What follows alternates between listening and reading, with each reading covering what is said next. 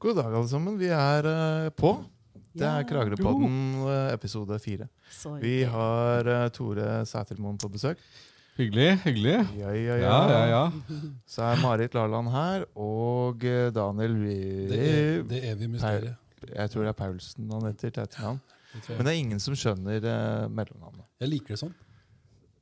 Det er mystisk. Ja. Høy og mørk og mystisk. Hvordan, eh, hvordan har det egentlig funka for deg opp igjennom? Eh, Både og, kan jeg si. Det er ikke noe overdrivelse å si det. Er det sånn du blir anarkist? På grunn av, Ja, det tror jeg kanskje var spilt inn, ja. er du klar over at han er anarkist, eh, Tore? Jeg har hørt rykter, da. Ja, du har prøvd, altså det med Daniel, han har prøvd å holde det så veldig skjult. Ja. Jeg har, bare så vidt nevnt det. Han uh, proklamerte høylytt på da- dag én her.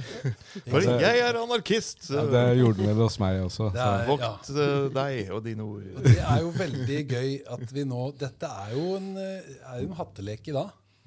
Det er Ja. jo en samsending og en merging og en eh, Det er veldig mye spennende som skjer. da. Det er Ja. metasending. Det er gleda dobbeltsending. Jeg gleda meg så til dette, her, til at vi endelig kan dra Tore inn i denne Dette, firerbanden som det blir.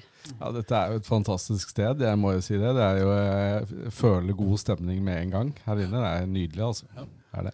Det kan jo være verdt å forklare litt hva, altså bakgrunnen i dag. Ja.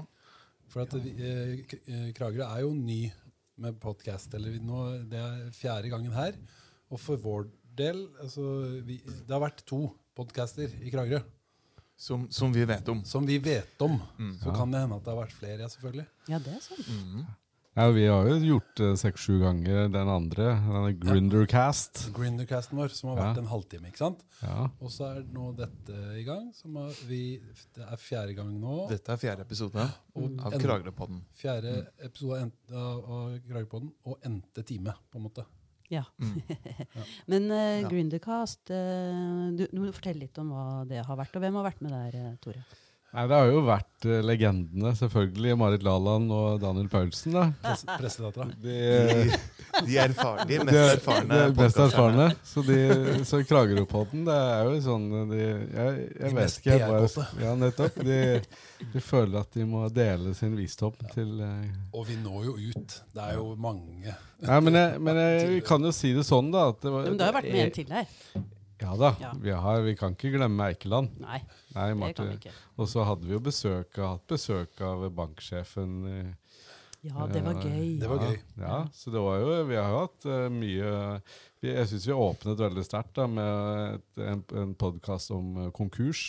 Det syns jeg er en veldig artig ting, at den første historien var om konkurs. Det var en god start. Det, var, det, det, det, det satte på en måte stemningen. Ja, Watch out. Watch out. Her er begeret halv, eh, halvfullt, eller hvordan er det? Nei, men så jeg, jeg ser veldig frem til dette her, da. Nå er merging er veldig bra. Litt sånn sammenslåing. Det ligger jo i tiden. Vi, ikke sant? Ja, altså Vi har jo hatt sånne kommuner som har slått seg sammen. Det er sant. Ja. Det er mye sammenslåing for tida. Selskaper. Og folka i de kommunene, de er kjempehappy. Alle, alle som en.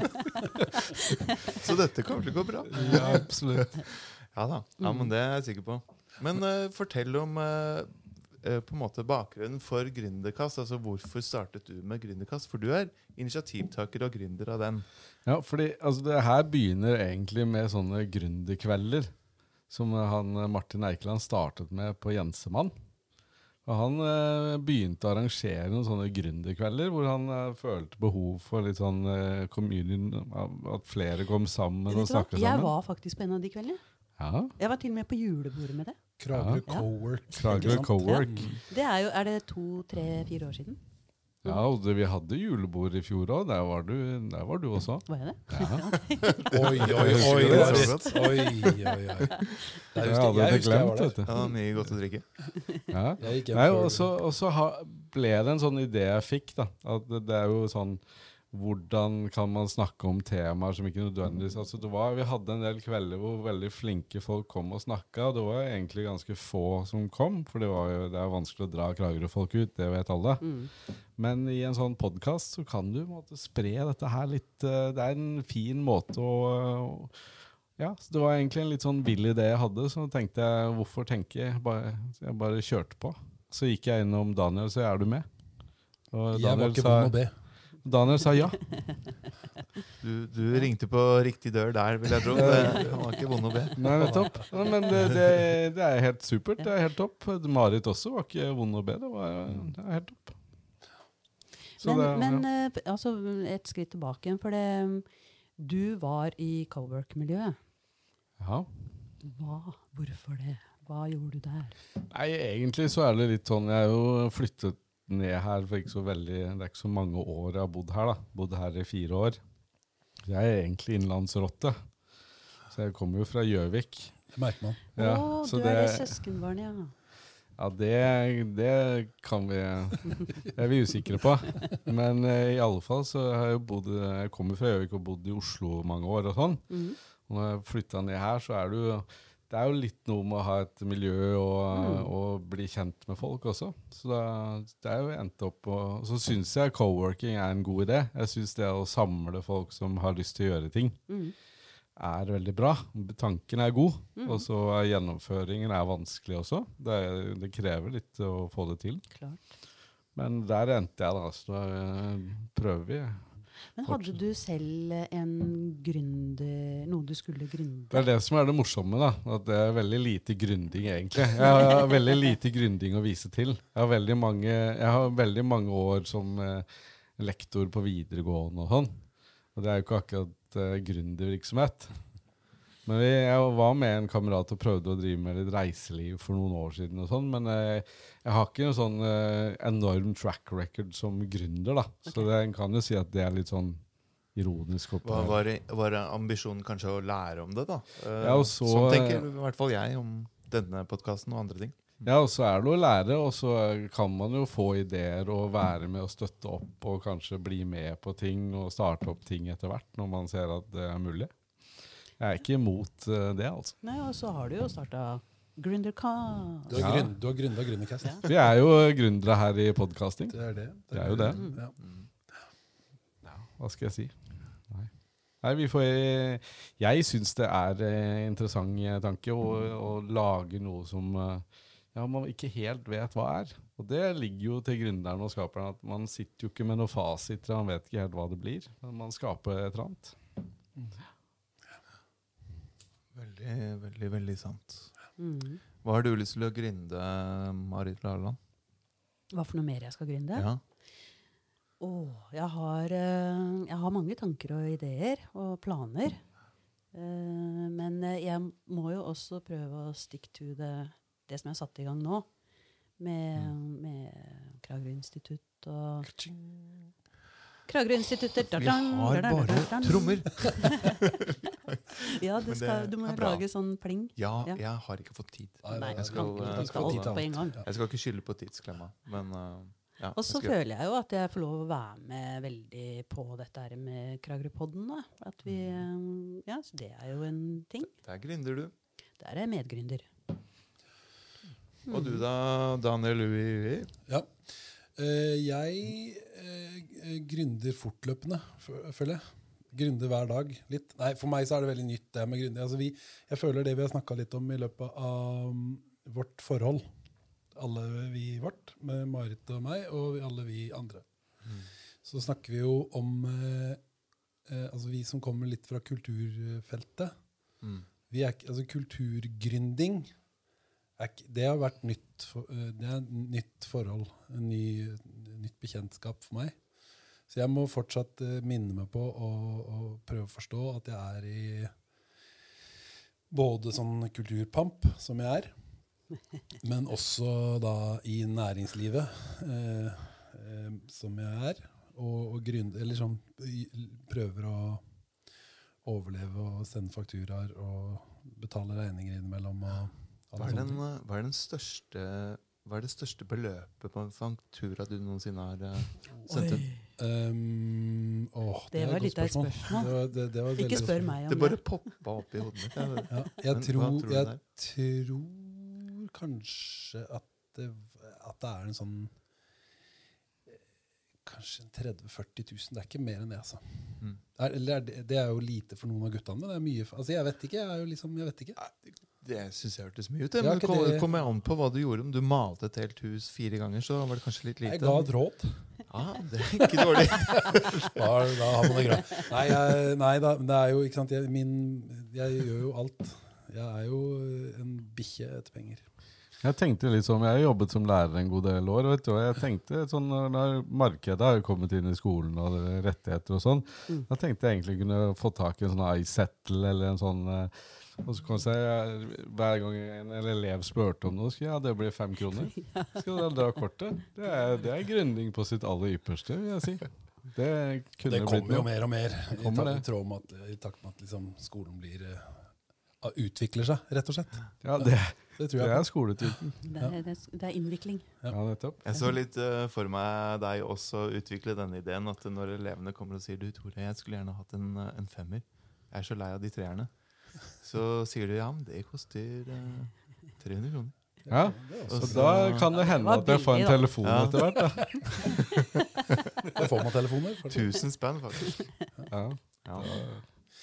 Jeg, har vært, jeg er så spent på den podkasten fordi det er så av alle de hattene og på grunn av alle de eh, alle tinga som skjer, og at vi eh, også snakka litt om å lære teknisk samtidig som vi liksom caster og eller podder, eller hva man sier, og samtidig som vi kanskje evaluerer litt av hva vi driver på med i den ene podden og den andre. Mm. Altså Det kommer til å foregå samtale på så mange plan, og samtidig som man skal da prøve å, å faktisk holde det øh, interessant og, og øh, salgbart og gangbart og Mm. alt på en gang. Ja, men du vet det, Daniel. Menn kan jo stort sett bare holde én ting gående samtidig. Så Du- når vi nå prøver oss på Er ikke det fordomsfullt? Skal ikke du klage på det? Men Du pleier å si fram sånt, Marit. Når Ja. det er, i- Det er bare når du er altså, i hvis det, hvis, andre kjønn. Ja, men altså Det er litt sånn eh, å prøve å ikke forsterke eh, sånne myter, uh, tenker jeg da. Men, eh, men, men Selv om de er sanne. Er det sant? Er det sant? Nei. Men det jeg bare hadde lyst til å si eh, Fordi Daniel begynte å snakke om det med kultur, da. Og da ble jeg veldig interessert. For det når eh, eh, Ja, Daniel er jo arkitekt, og han driver jo eh, sånn tuskhandel med bøker og Jeg har sånn. skraphandlerbevilling fra politiet. Ikke sant? Og så gir du råd uh, til uh, lyssky folk å få 40 000 spenn. Ja. Sånne ting. Det er ganske spesielt. Og, og Knut, du er jo, jobber jo veldig på kulturfeltet, ikke sant? Med Røde Kors-ting, og du har jo mange andre ting på gang, vet jeg. Ja, ja, ja. Og, um, Kulturkontor. og eh, altså, Tore, du jobber i, med skole, og det jeg mener skole og kultur, altså danning, utdanning, det er jo kultur. Og det jeg driver på med, er eh, kultur. Så jeg tenker at kultur det handler veldig mye om alt som gir mening. Ikke sant? Som en sånn vi vi eh, sekk å kunne putte alt dette oppi, da. Så det er ikke bare altså, gr- jeg mener, Når vi snakker om gründing og kultur, så er vi liksom på det mest interessante av det man kan tenke seg å gründe i det hele tatt. Etter min mening. Det er jo et lim i samfunnet, det, eh, Det kulturen. Mm. Og til og med det mest kulturfiendtlige eh, Det er synd for de eh, mest kulturfiendtlige miljøa i verden og i Norge. Til og med de har jo dessverre en Altså redneck-kulturen er jo også en kultur. Hvis det, altså, Ja, ja, Hva fordom skal jeg tas for? Konemishandling og drikking og kjøring samtidig. Og Oh, ja, ikke sant? Ja, du, du tar det. Rednecking, er det Ja, ikke det? redneck. Ja, jeg, vet, jeg vet bare jeg, jeg, Har du rednecka noen gang? Jeg har råna en del i Kragerø. Det har jeg med, med varierende hell. Men det er, det jeg setter jo pris på det. Jeg syns jo det er ålreit. Volvo 240 og Reva? Nei, Volvo 140. Ja, Volvo 140. Hvordan i all verden går, det, går de fortsatt rundt? Jeg hadde jo en sånn, ja. Det var eh, 145 Ekspress. Fantastisk bil. Jeg tror jeg har nevnt den før her i Ja.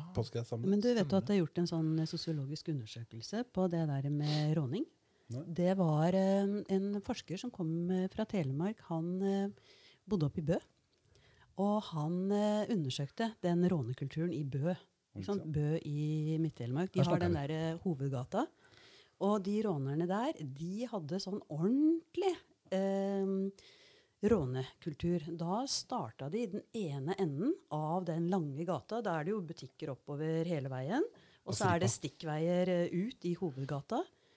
Og da var det bare om å gjøre å komme fort opp i fart, og så holde farta igjen. Var det det som var greia? Det var ikke noe med å legge lakris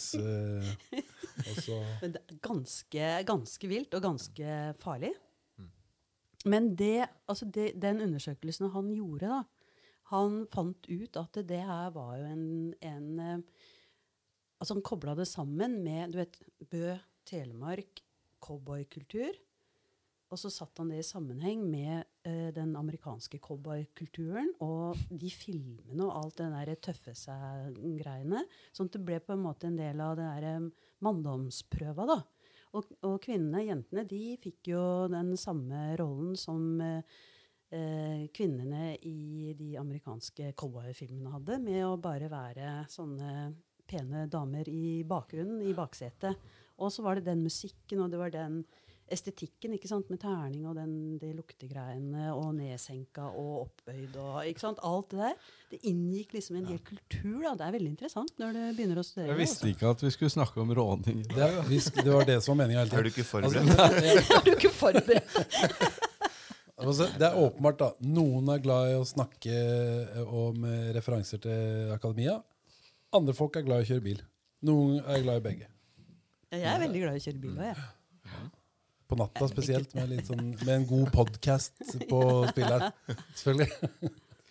Men eh, den der eh, kulturen med, for å dra til Sverige på ja, Det er en eller annen dag, er det ikke det? Påske eller et eller annet sånt? Først, er ikke det første, Første- påske, da? første påske, da. Jeg. Så reiser jo nærmere 5 6 7 8 9 10 000 rare mennesker på bilferd. eh, De kjører kolonne. Fra Gjøvik, for øvrig, kanskje. Jeg vet jo. Eh, De kommer ja, overalt. det- De kommer fra- jeg, jeg kjente et sånt blikk på siden her. Men, eh, men eh, er det rednecking? Er det bøkultur?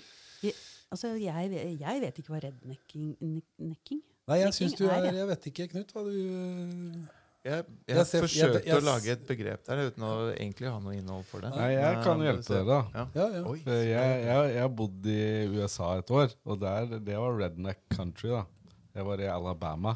I Alabama. Og de som var rednecks der, de var på deer hunting. De var på jakt. Og så kjørte de sånne store pickup trucks. Legger de over panseret? Er det den eh, pakka? Eller? Ja, altså, De drakk øl, og så eh, skøyt de dyr. Ja. Og kjørte rundt og ja, levde livet. Men var det da de tok de med seg og spiste de opp? Ja, jeg vil tro det. Jeg kan ikke si jeg hadde noe oppfølging. Men jeg, jeg var ikke så veldig altså Da jeg var 17-18 år, så var jeg var en sånn ung, liten, Men hvorfor var du der liten egentlig? fyr fra Gjøvik som du havna på eh, månen, på en måte. Ja. Utveksling? Ja. ja. Og da, da var jeg min redneck var ikke helt i min eh, ba, Det var liksom ikke helt meg da. Det, Ja. det er mer naturlig nå, kanskje. Eh, Eller kanskje altså, hvor ligger Alabama på det store verdenskartet som USA er? Nei, Alabama, det er hvis du Det er. Alle vet at eh, Florida er i sør, og så mm. er det nord for Florida. Okay. Der har vi Der alle liker Trump, og de Er det det landet? Ja, absolutt. Eh, Jeg har en fantastisk sånn utvekslingshistorie, hvis dere er klare for den. Ja, Og så gjenstår det å se hvis jeg klarer å gjengi den godt nok. Men i utgangspunktet så er den fantastisk. du har jo Du kan lyve. Ja, Ja, det ja men, det. men det her er sant. Altså. Alt hvert et ord er sant. Det, men jeg må bare si det at Daniel han, han kan jo ljuge, og så altså, gjentar han seg selv også. da. Ikke sant? Det har jeg også gjentatt. og Det lurer jeg på hvor mange ganger jeg kan gjenta. Men det kan jeg, tror jeg kan gjenta ganske ofte. Nei, men jeg eh, gikk jo videregående i Sverige. Fordi at jeg er halvt eh, dessverre Eller eh, heldigvis så er jeg halvt svensk. Skånsk, vel å merke. Derav Dagmar. Eh, Derav Jangmar. Young, Jangmar. Ref. Eh, episode én, Kragerøpodden. Vi kan ha sånne innstikk i det. Men eh, når jeg da kom tilbake til andre, skulle begynne andre år igjen på videregående der på samhellsvitenskapelig linje, som jeg da gikk på, så eh, eh, var det en fyr der som eh, hadde stort skjegg og eh, eh, caps. Og så veldig ut som eh, en som vi tenkte var en ung, litt kul lærer. Men han viste seg da å være en, eh, en, eh, ny elev i klassen som hadde vært ett år i, eh, på utveksling i USA. Dermed alle de freshe nye Det var liksom midt i hiphop-tida på 90-tallet. Baskettida. og liksom det, der, det var fortsatt litt vanskelig å få tak på de riktige liksom, artefaktene. Sånn sko og sånne ting. Ja, Ja. og han hadde alle de riktige tinga. Ja. Altså, altså, sånn teamwear og sånn capser. Og, og det var på den tida. Altså, han var en sånn fyr. Han het Daniel, han òg. Um, og han eh, var en sånn fyr som fram til da Det her var i 92-93. Så gammelt er er det blitt. Så, eh, men han var en sånn fyr som fram til da så hadde han kjøpt tre eh, eksemplarer av hver hiphop-utgivelse som kom ut. Altså Hiphopen i sine røtter i 81 med eh, Sugar Hill Gang eller eh, noe. ikke sant? Jeg ljuger på podkast, men jeg tror det er noe, noe der. Mm. Eh, men han, altså, det var på den tida som han kunne altså, han hadde, han, Det var så få utgivelser som kom foreløpig, at han hadde kjøpt tre eksemplarer eh, av hver utgivelse. Og han hadde da vært på utveksling i USA, og hans drøm da, for han, hans interesse var jo hiphop og afroamerikansk kultur. Så han håpa jo selvfølgelig å komme liksom til LA, til Compton, eller til, til Bronx i New York, eller til Chicago, eller et eller annet sånt. Men var det, helt, det var jo helt sånn tilfeldig hvor de blei sendt hen da. Så han blei sendt til South Dakota. Og der han, var han i en vertsfamilie, og så fikk han, når han kom dit, så fikk han utdelt en sånn eh, en pickup med kompass. Og så fikk han en retning han skulle kjøre gjennom eh, prærien eller ørkenen. eller. Og så, sa han, du, så fikk han beskjed om at hvis du kjører i 120 km i timen i en og en halv time på den, liksom, den, den peilinga der, så kommer du til høyskolen din. Og der var det 15 elever. og da var, når han kom dit, så var han liksom helt hiphop da, med sånne svære gullenker og så, sånn skinncaps. Så han var liksom helt klar. Eh, Det fikk han ganske fort prella av seg ute i ordentlig sånn eh, land der. sånn. Holdt han ut? Han holdt ut et år.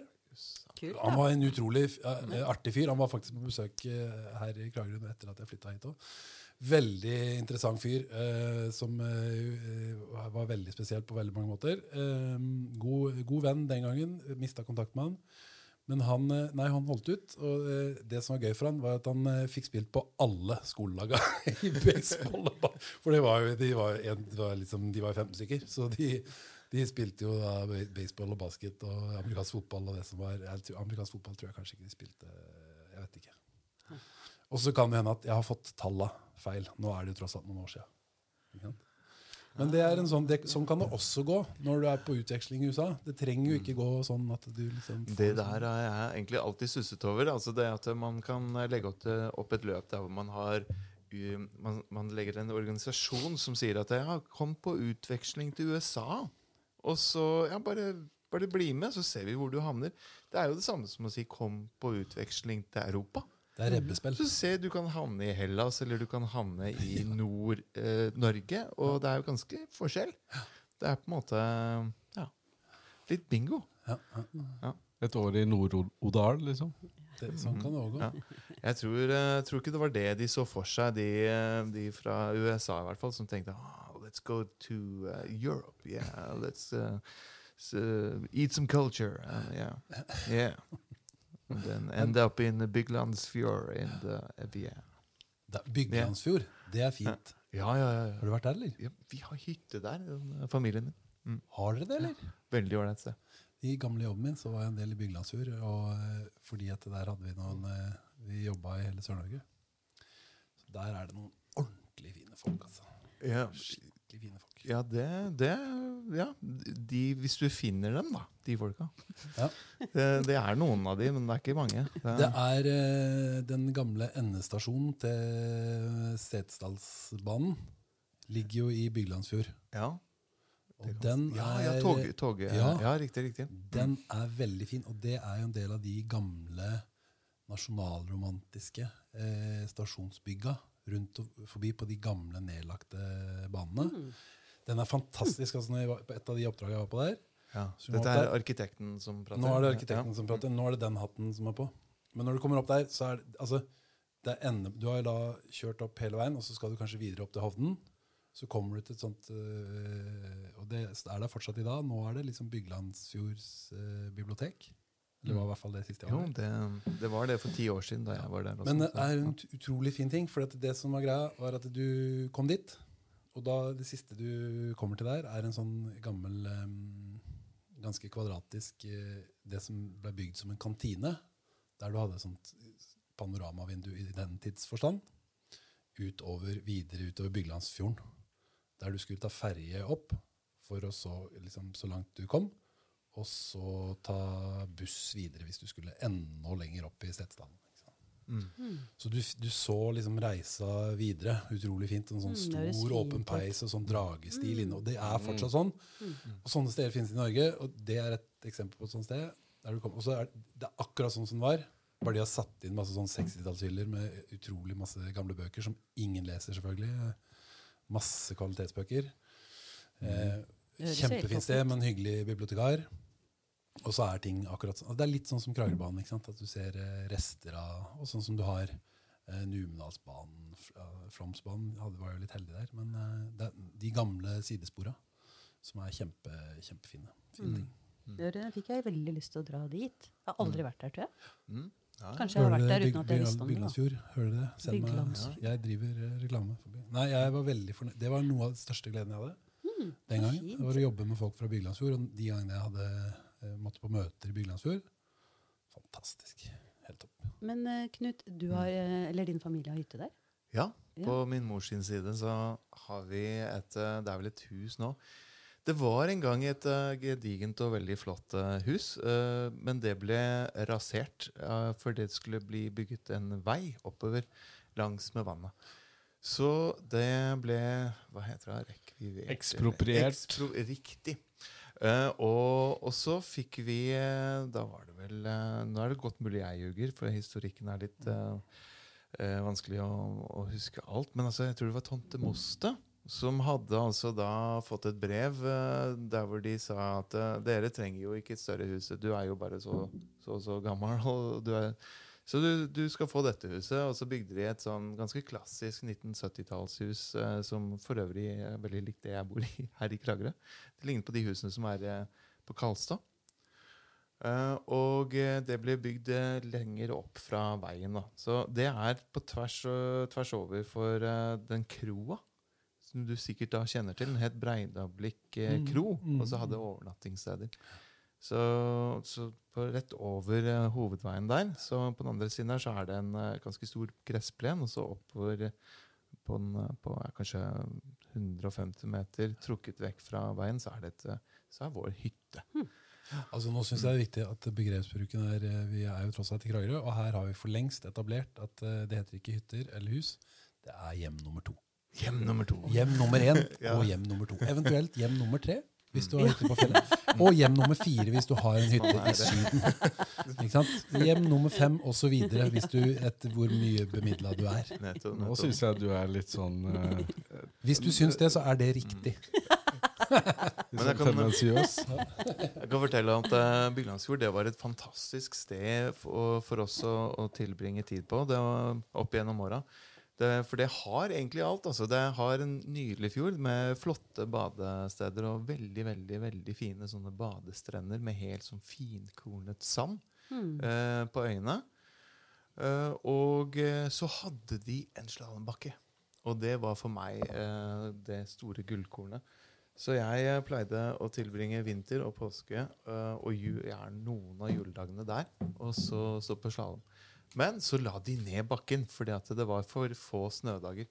Så solgte de luringene heisen til eh, noen eh, entreprenører oppe på Hovden. Og så la de ned hele alpinbakken. Og den er på en måte på tvers, eh, tvers ovenfor eh, for vår, vårt hus. da, Hus nummer to. Eh, nærmest i direkte linje over Hjem fjorden. nummer to. Hjem nummer to. sånn var det. Sånn at vi Et ser hjem for på deg, et hjem for meg. Da kan man gjerne gå litt nære liksom på, på restene av den eh, fantastiske alpinbakken uh, som er i ferd med å gro igjen. Og det, Men sånn det- gründeren i meg blør. Det, det er forferdelig å se. Men du, kommer det snø der da, på vinteren? Nå? Det gjør det. Ja, det gjør det. det er en myte at ikke det er nok snø. Okay. Eller ja, det var sikkert ikke nok snø. der så er det Men du, altså, jeg har litt lyst til å Jeg syns det er veldig interessant med Bygland. Byglandsfjord. hold- vi kan holde på en time ja, men, men jeg bare tenker altså, Vi har en gjest her nå, og jeg, jeg Drit i han, da. Nei. Vi kan, eh, for et sånn godt, godt overgangsspørsmål er Har du vært i Byglandsfjord? Altså. Nei. Så. Da har vi, liksom, så har vi egentlig ikke en gjest heller. Vi har vi muligens kjørt forbi. Her. Nei, jeg bare tenkte på For det, det ikke sant? Nå har du akkurat fortalt at du var et år i Statene. Og så har du tidligere fortalt at du har jo bodd eh, mange år i utlendighet. Ikke i elendighet, men utlendighet. Ikke mange år i utlendighet, men jeg har liksom vært sånn uh, studienomade. da. Litt Ja. sånn, uh, Vært litt her og Ja.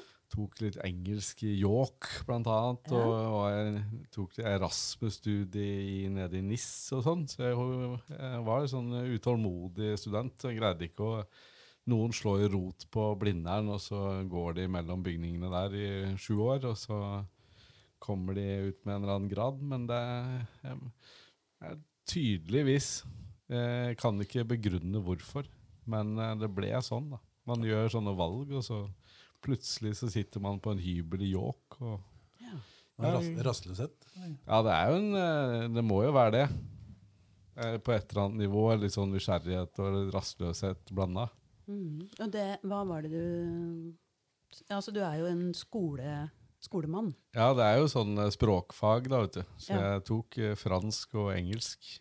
Ja.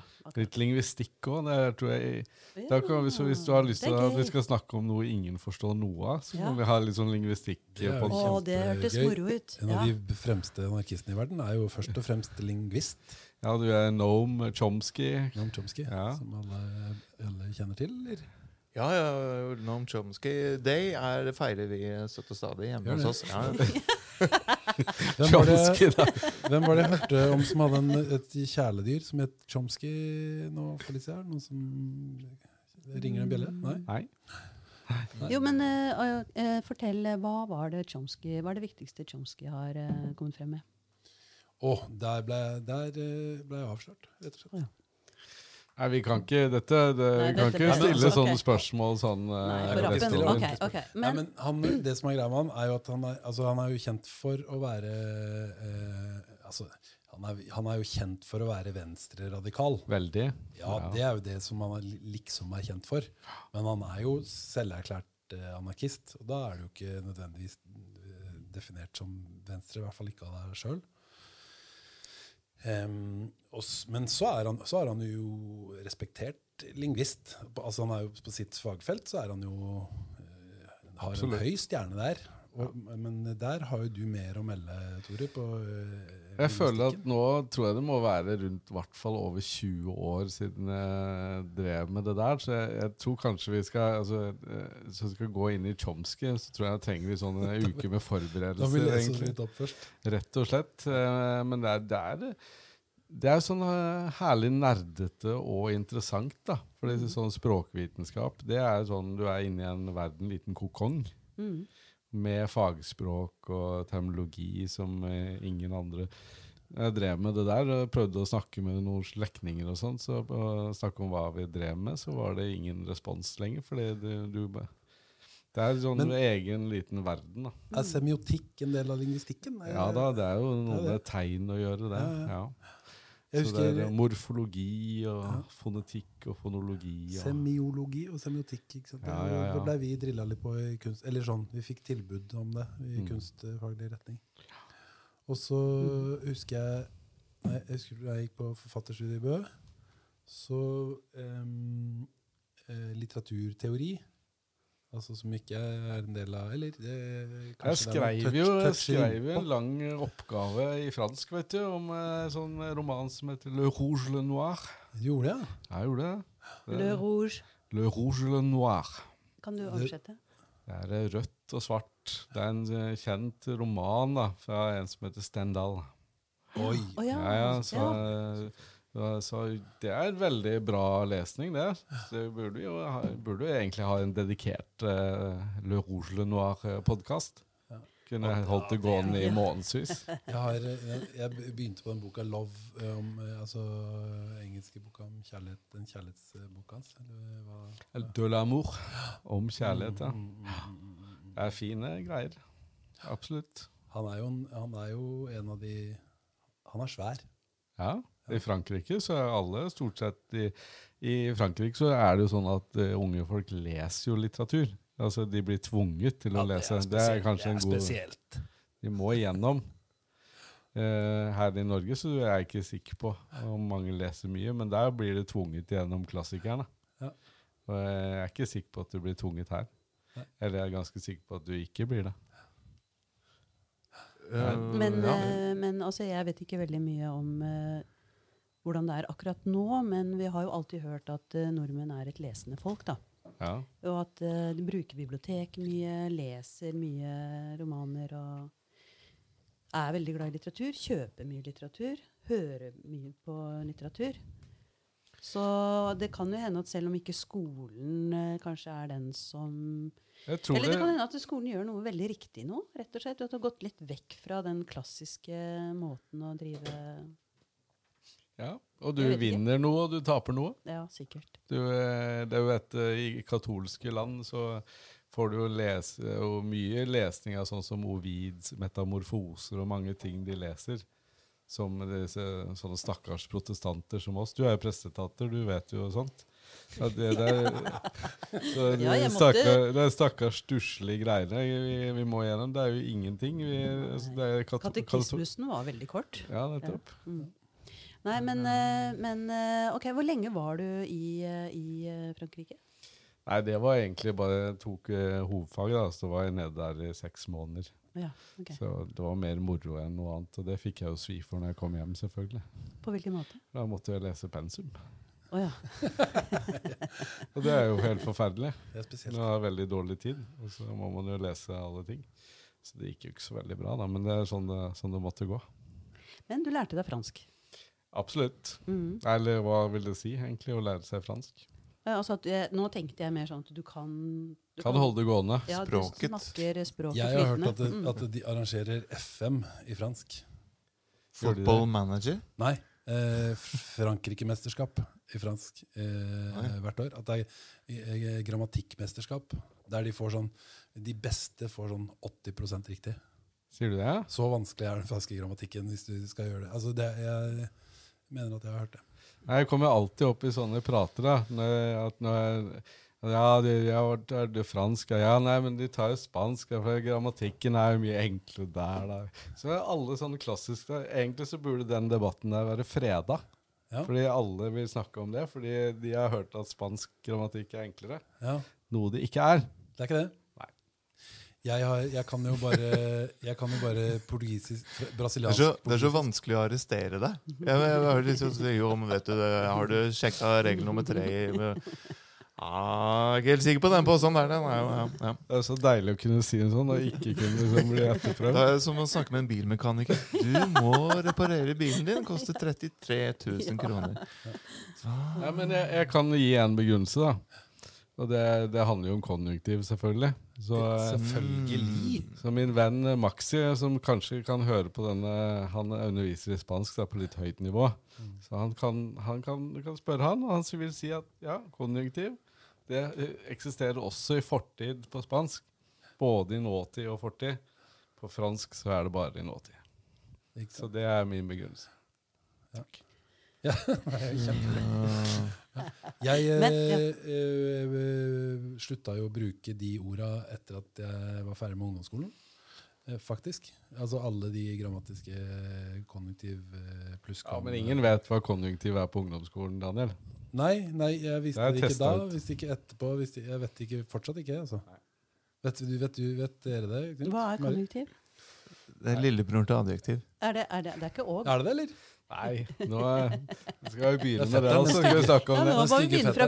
Nei, vi tar ikke alt helt fra begynnelsen av. Nei, altså, du, vet, du har jo modus, da. Du har, sånn, du har indikativ. Ja. Det er de vanlige nøytrale setningene. Ja. Og så har du imperativ. Og det er, det er jo gi ordre. Ikke sant? Det er en type setninger. er- Kategorisk imperativ. Ja, Immanuel Kant. det var litt annet igjen. Ja, Så. han leser en bok. Kant. Ja. Og så har vi konjunktiv, da. Ja. Og det er litt mer sånt modus som er sånn mer usikkerhet i, da. Dette er lett overflatisk, kjente jeg, men det, det er sånn det må bli. Jeg merker at jeg, veldig, at jeg liker en mann som kan sin grammatikk. Altså. Jeg, Ja, jeg, jeg- ser på deg nå, Tore, så ser jeg deg i et nytt Tore. lys. Yeah. Jeg, jeg synes jo, jeg, jeg husker jeg tok grunnfag i fransk. var det en der, for du, det som er at Folk kan ikke sin egen grammatikk.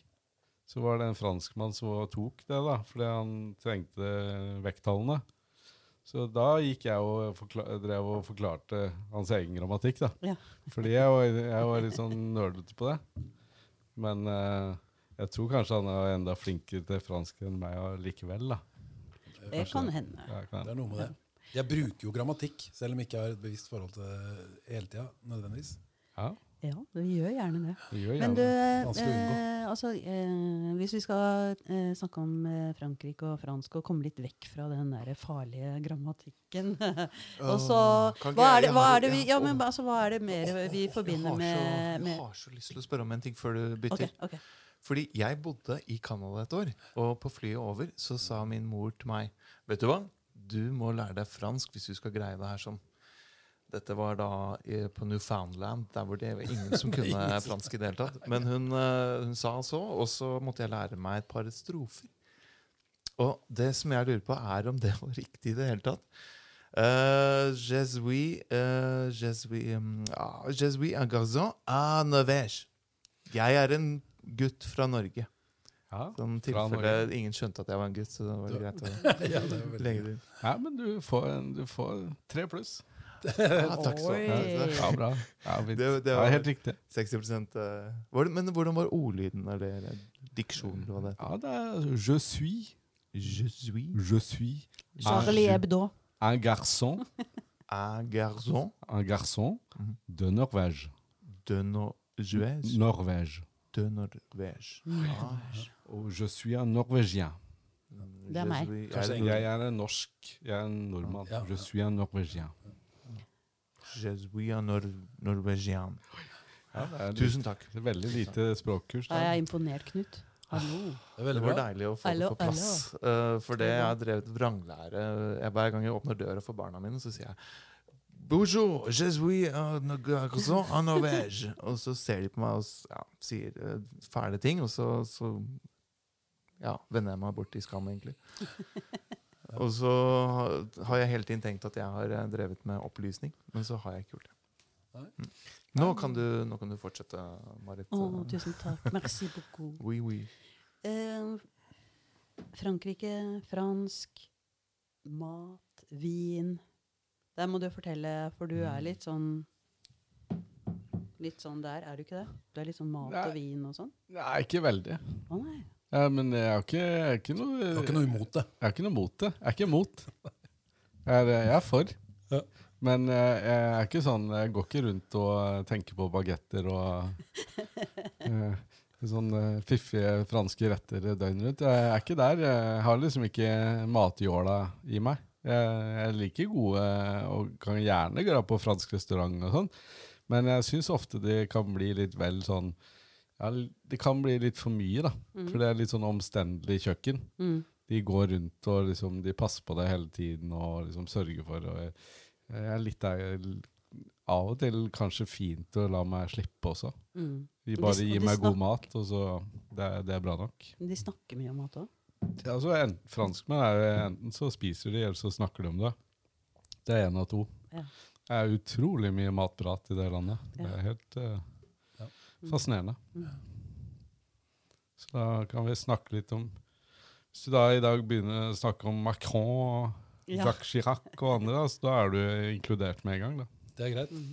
Ja, de er, de er i hvert fall vet hva de Det er jo et eh, land som er i pro store problemer. Det er jo det. Det òg. Ja da. Ja, de har enda større problemer enn det vi har. Og ja. Ja, hva er de viktigste problemområdene de har, tror du? Nei, eh, det vil jeg nok eh, Det er vanskelig å si, men eh, det at det er så stor forskjell på folk, er nok Mm. kanskje det aller største. Du har en polit, politisk elite der som er veldig langt fra hvermannsen. Mm. Det tror jeg er det største, og det mange i Frankrike som er misfornøyde altså, med hverdagen sin. Og det kan jo Det har skjedd revolusjoner før i det landet. Jeg leste sist nå om eh, Macron som var ute i en eller annen sånn hensiktsmessig eh, mediekanal og sådde tvil om eh, Natos rolle. Har dere fått med dere det, eller? Mm. Jeg leste Ja, det var ganske Det var jo uh, artig å følge med på de norske reaksjonene der. Nei, nei, nei, det er ikke noe problem med Nato. Nei da, det går fint. altså, nei, nei, nei, det, vi, det, vi er ikke enige med Frankrike der i det hele tatt. Det her Og går for greit. all del ikke kritisere Nato. Nei, nei. Ikke, Ikke, det er ikke noe gærent. det, Jens Holpe gjør en utrolig bra jobb. Veldig, veldig bra. Så, neste tema. Nei, men det, det var jo og det var en artig analyse av det i forhold til hva Macron drev på med. For det var jo ikke noe tilfeldig. Altså Verken valg av mediekanal eller eh, hva han prøvde på å si der. Var, prøvde han ikke å si noe om at nå, nå er det på tide at Europa begynner å tenke for seg selv igjen? Altså Det det, eh, der eh, transatlantiske med han gale som driver på der borte, han, vi kan ikke regne med de lenger. Det er, så sa han i tillegg til det at uh, det starta jo allerede med Obama. ja, det gjorde han. Stemmer Han det. sa det, så han Hæ? ventet. Sier han noe dumt om den jazzy, funky presidenten som vi alle var så glad i når han kom til Norge og tok imot fredsprisen og snakka om krig? Ja, ja, det var egentlig artig. Det var et et godt påfunn. det. Ja. Jeg jobba Den gangen jobba altså. jeg jobba i morgen... Ja, det, vet du hva, det er, en ve det er veldig artig, akkurat det her. Eh, og her kommer synseren og føleren i meg virkelig til sin rett.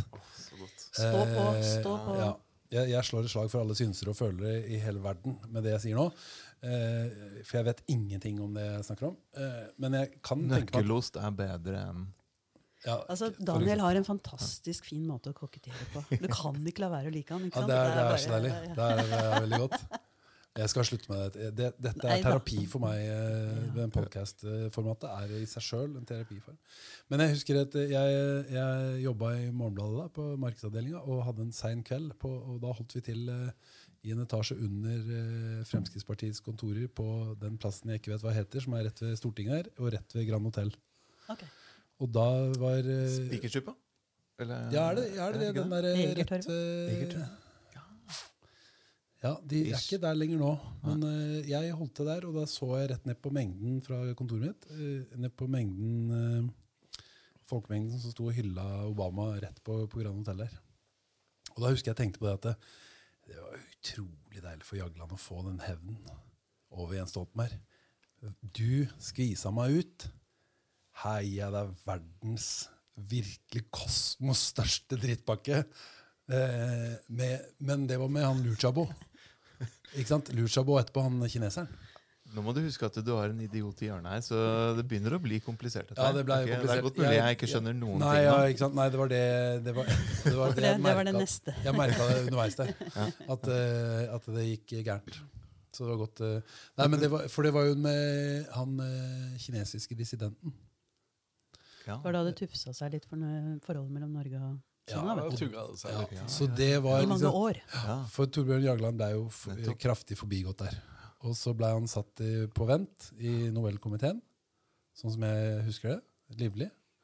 Eh, og så eh, var det da så vant eh, eh, fredsprisen.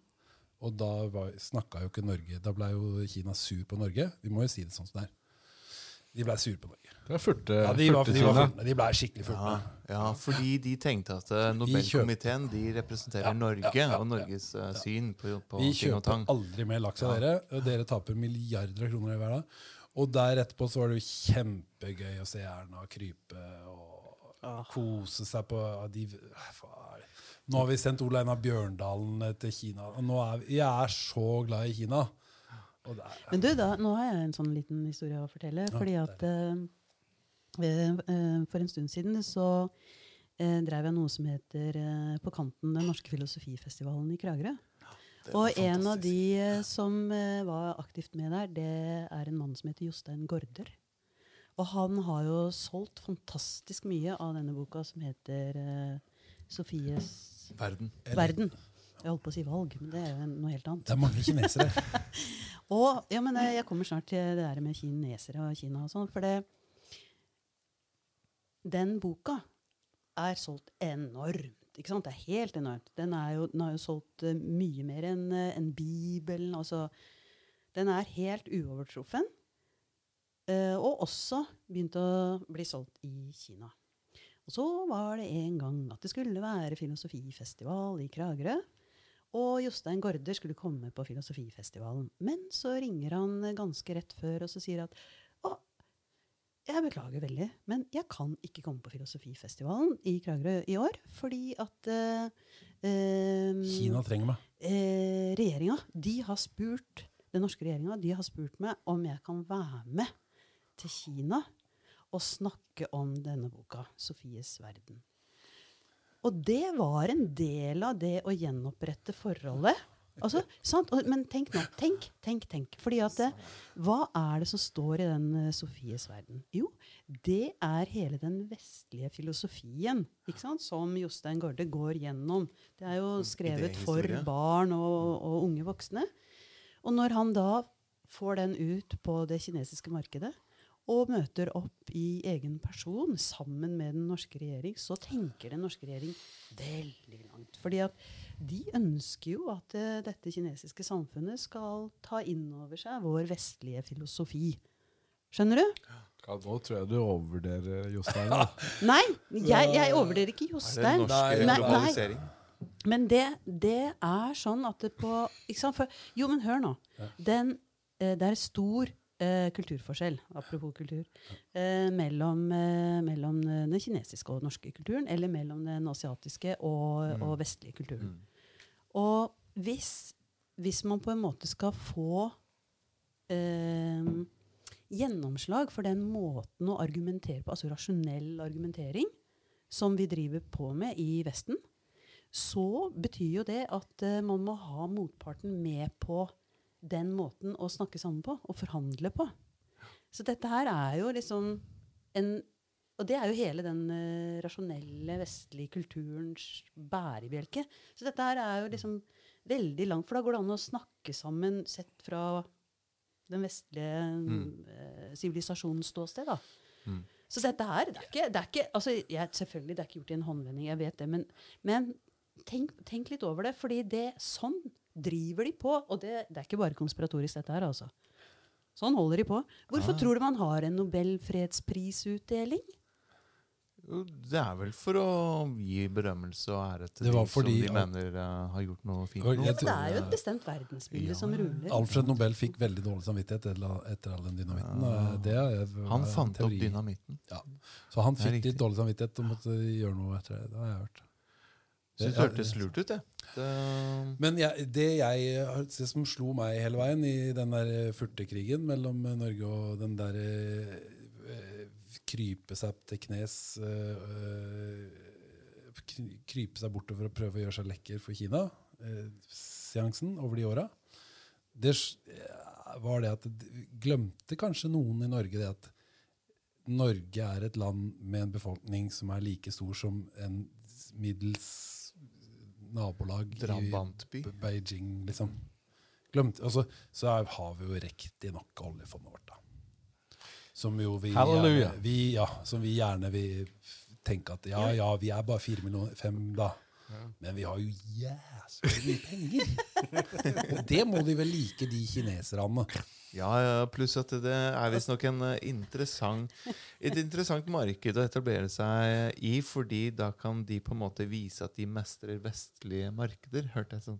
En god begrunnelse for at kinesere skal etablere seg i Norge. Og bygge broer. Se, ja, bare se, vi greier det i Norge, så da greier vi det sikkert i Ja, det andre land, som Tyskland og Frankrike. Og Jeg har bare tolka alt sånn kinesisk eh, tjafs, eller sånn snakk, i media som en sånn herre eh, som et ledd av samme kampanje, på en måte, i de siste siden det begynte. med Jagland.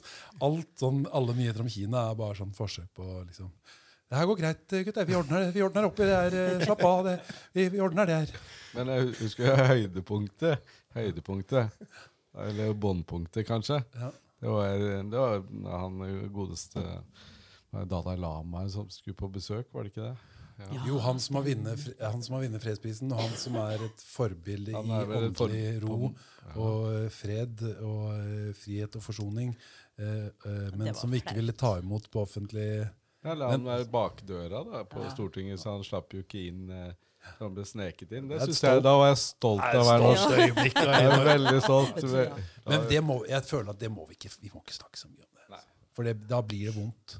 Da blir vi, må holde, vi, må være, vi må være med på den og være stille om det. Vi er gode Til på med det. Men du, altså, eh, Daniel, du snakka noe om eh, her eh, forleden at ok, jeg, For jeg på et, en eller annen sammenheng så trakk jeg frem han Terje Tvedt, ikke sant? Ja, ja. som kritiserer den godhetsideologien til Norge ved å tro at vi, har, altså vi får dette oppblåste selvbildet. da, At vi kan dra ut i verden og fikse liksom, opp i ufred og krig og alt det fæle som skjer, ved å sende en Jagland eller en uh, Egeland eller et eller annet sånt noe. Og så, eh, og så får vi det speilbildet av oss selv, at vi er jo helt fantastiske som bare kan dra ut. eh, Selv om vi da bare er den lille Så så gode på ski vi er, da. Ja. Vi er bare fem millioner, og så er vi så gode på ski! Jeg tenker det er noe veldig Det, hø- det hører Altså den derre den der kritikken fra, fra, fra Terje er Tvedt, jeg syns den høres litt ålreit ut. altså. Den der gode, gode siden igjen. Ja, ikke sant? At um, eh, Det eksempelet med Kina er jo veldig, veldig bra. Da. Eller det, det finnes så mange eksempler. Så, eh, men, Men- men det er ikke det at man skal gi opp og prøve å få til gode løsninger i verden. Det er ikke det jeg mener. Men eh, det er noe med å Sier du ikke at det er tilsløre sånn ting òg, da. Symbolpolitikk, sånn eh, for å opprettholde vår, eh, vår eh, hang om nasjonalstaten Norge, er det det du sier? Jeg tror det er veldig mye det. Jeg tror, altså jeg tror det er veldig viktig eh, Det er et ord som, eh, som politikerne kommer med ofte, som jeg tror det er viktig for oss å huske på her eh, i Kirkegata nå. Og det Kirkegata 12 på, Kirkegata 12 på Kragerø Instituttert. Det er at det er jo altså, Det er vel og greit med humanisme og hensyn til menneskerettigheter, og alt det der, men det finnes noe som vi ikke må glemme, og det er storpolitiske hensyn. altså. Det Geopolitikk. er alltid et større hensyn å ta. Og hvis Jonas må sende ned noen bombe- til et eller annet sted, eller noen, en eller annen, så er det fordi at det er viktigere hensyn som ikke vi vanlige folk Og han, nå er det anarkisten i meg som snakker. eh, Vi, vi skånes vel fra informasjonen vi trenger Ja. for å Vi forstå Vi må, bare, vi må egentlig bare stole på det, Ja. at eh, Det norske Arbeiderpartiet og de andre i konsensus eh, vet hva som er best for oss. altså. God det er et, ja, det er et storpolitisk hensyn som vi bare må altså, det, det kan ikke vi forstå. Det må, når, når de sier det, så må vi bare eh, være stille. Jeg eh, akkrediterer det meste av dette til Tore Sætermoen, som er gjest her i dag. Eh, Ja. Ja, men altså, han, har han har jo vært i Frankrike. Hva med Algerie? Hva med Ja, Får jeg, Algerie? får jeg skylda for alt dette? Det er deg, det er din Hva med, hva med Libya? Det er du som liksom- inspirerer. Du er her, og, der, og så havner Daniel ut på vidda sånn eh, på dette nivået. Det er, nå er jeg midt i sentrum. Det er akkurat det det handler om. Men, eh, men eh, hvis vi skulle ha skifta tema totalt, på en måte, Ja. hva ville du, hva ville du ha hoppa inn i da, Tore? Kan vi komme tilbake til det her seinere?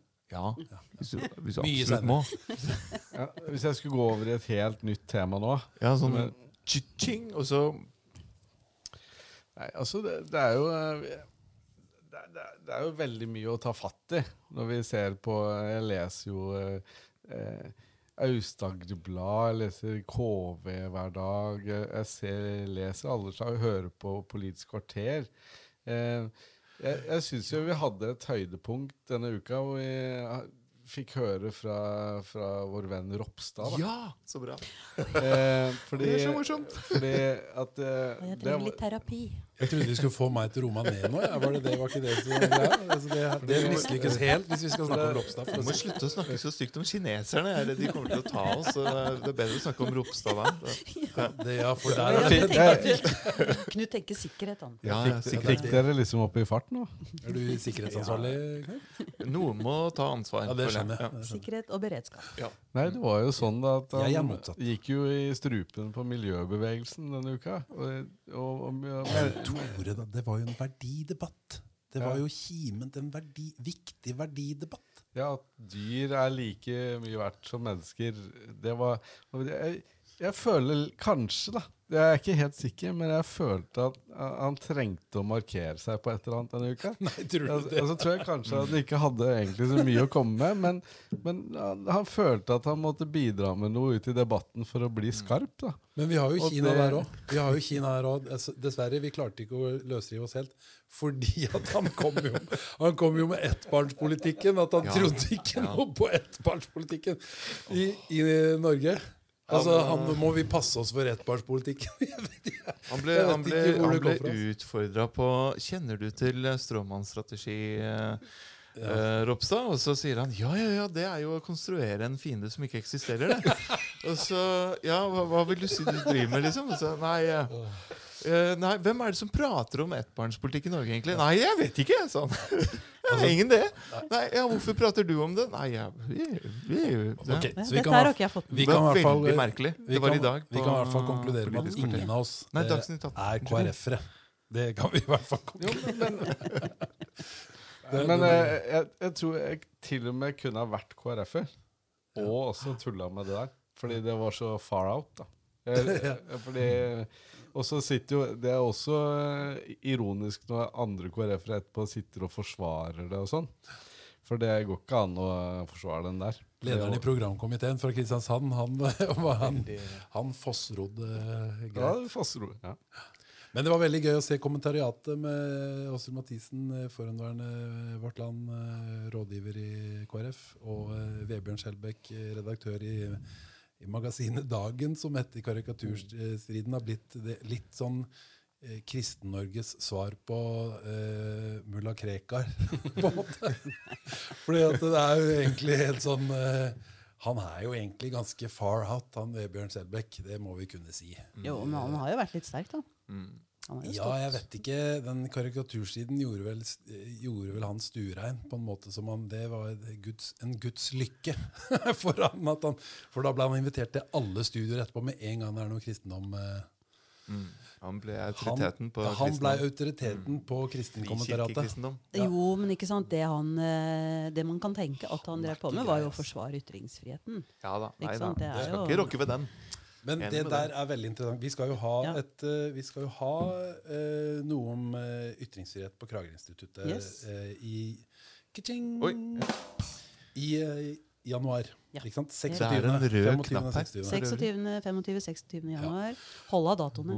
Men, Det blir helt og fantastisk. den, altså i forhold til eh, Der burde vi snakke om uh, Mohammed-karikaturene. Absolutt. Fordi, altså, fordi at det er noe av det mest interessante i forhold til ytringsfrihet som har skjedd Ja. i løpet av de siste åra. Da må jeg få lov til å fortelle om eh, et prosjekt som Lars Wilks alle kjenner. Eller de mange kjenner til Lars Wilks, ikke sant? han kunstneren. Ah. Hvem Som var det igjen? eh, svensk eh, kunstner, eh, også professor og, eh, på eh, Kunstakademiet i Norge og i Sverige. Og eh, han har også laga sitt eget lille land, da, hvor han driver og bygger opp masse rare ting av rekved og sånne ting. Og holdt på med prosjekter i mange mange år. Men, og han var forresten også på Filosofifestivalen en gang og holdt på med noen kunstnere ute på Jomfruland her. Men det han, eh, Og da var det en debatt bl.a. med han Tommy Sørbø, som er uh, kunsthistoriker uh, og holder til i Grenland. Og eh, har et veldig klassisk syn på hva kunst er, da. Eh, en motsetning til eh, Lars Wilks. Men jeg skal bare Er, si er det at man tror eh, Monet og sånn, det er kunst, og, og ikke Han har skrevet en bok om, om kunst som, het, som er veldig gøy, fordi at den heter søppel, og den er søppel. Eh, altså bare sånn for, Sorry, men eh, det måtte sies.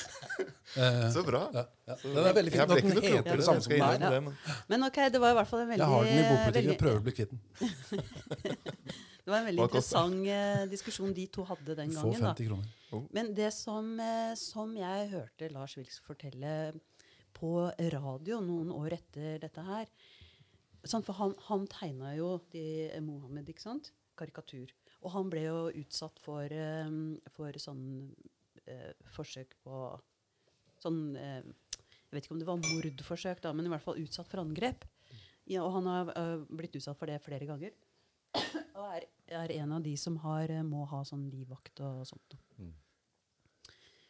Og eh, det han fortalte da, på dette radioprogrammet, det er det at han fant ut at han ville lage et nytt kunstverk.